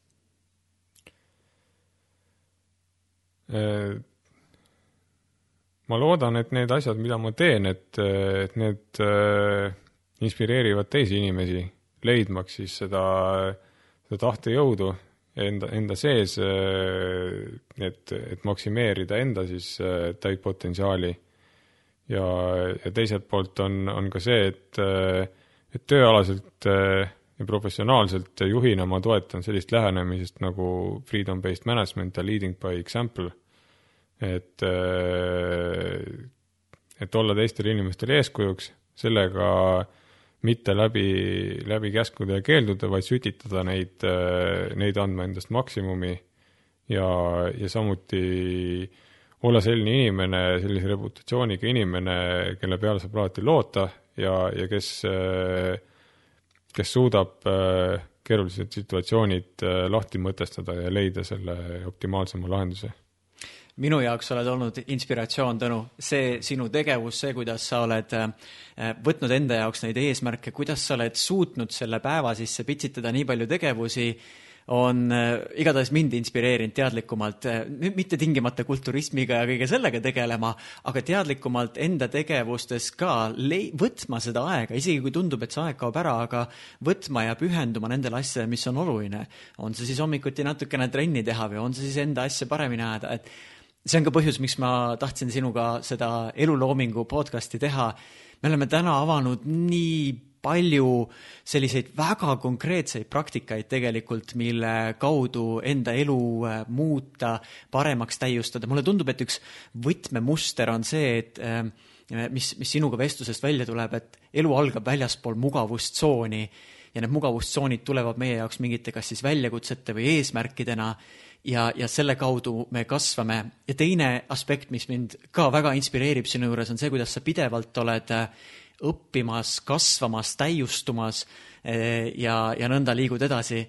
see on see vahva asi, ma arvan, mis loob erakordselt vahva elu ja juba praegu noor, noores eas, nii et kui sa nüüd sama hooga jätkad, siis, äh, siis on päris, päris vägev, ma kujutan ette, kuhu see kõik välja liigub kas on midagi, mida sa äh, tahaksid, ma võtan kaks küsimust, ma lasen sul korraks midagi, mis sa meile kuulajatele tahaksid veel mõttesse jätta, aga enne seda ma küsin sinult ka, millise sõnumi sina kirjutaksid äh, suurelt seinale, mis oleks kõigile nähtav, mida sa tahaksid maailmale edasi anda?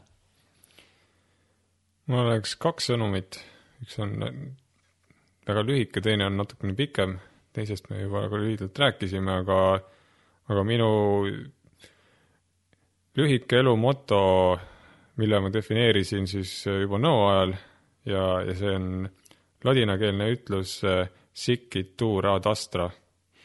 pane see nüüd eesti keelde. see siis tähendab nii minnakse tähtede poole et, et on selline tuntud ütlus nagu per aspera ad astra mm, -hmm. läbi raskuste tähtede poole. Äh, läbi raskuste tähtede poole, miks peab läbi raskuste minema, kui on mingi optimaalsem moodus? Ja, ja nii minnakse tähtede poole tähendab seda, see on, see on äh, mingi vorm sellest äh, ütlusest, et life is a journey, not a destination, et elu on siis teekond, mitte siis äh, lõpp-punkt.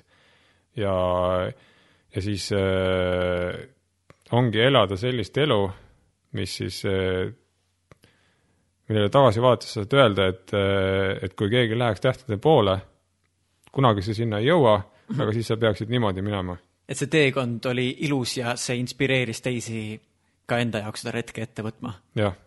ja kas sa teise lausena tahtsid ka veel eraldi välja tuua? teine lause oli seesamane siis Zero tsitaat, et äh, senikaua, kuni sa teed kõike seda, mis, mis sinult oodatakse või, või mis vaja on, siis sa oled äh, selle olukorra ori, aga siis sa kontrollid seda olukorda ja enda elu, kui sa teed rohkem mm. -hmm. kui sa teed rohkem, siis sa kontrollid enda elu või siis sa lood enda elu. kas on midagi, mis sa sooviksid veel meie kuulajatele mõttesse jätta, kui me tänase vestluse selleks hetkeks kokku võtame?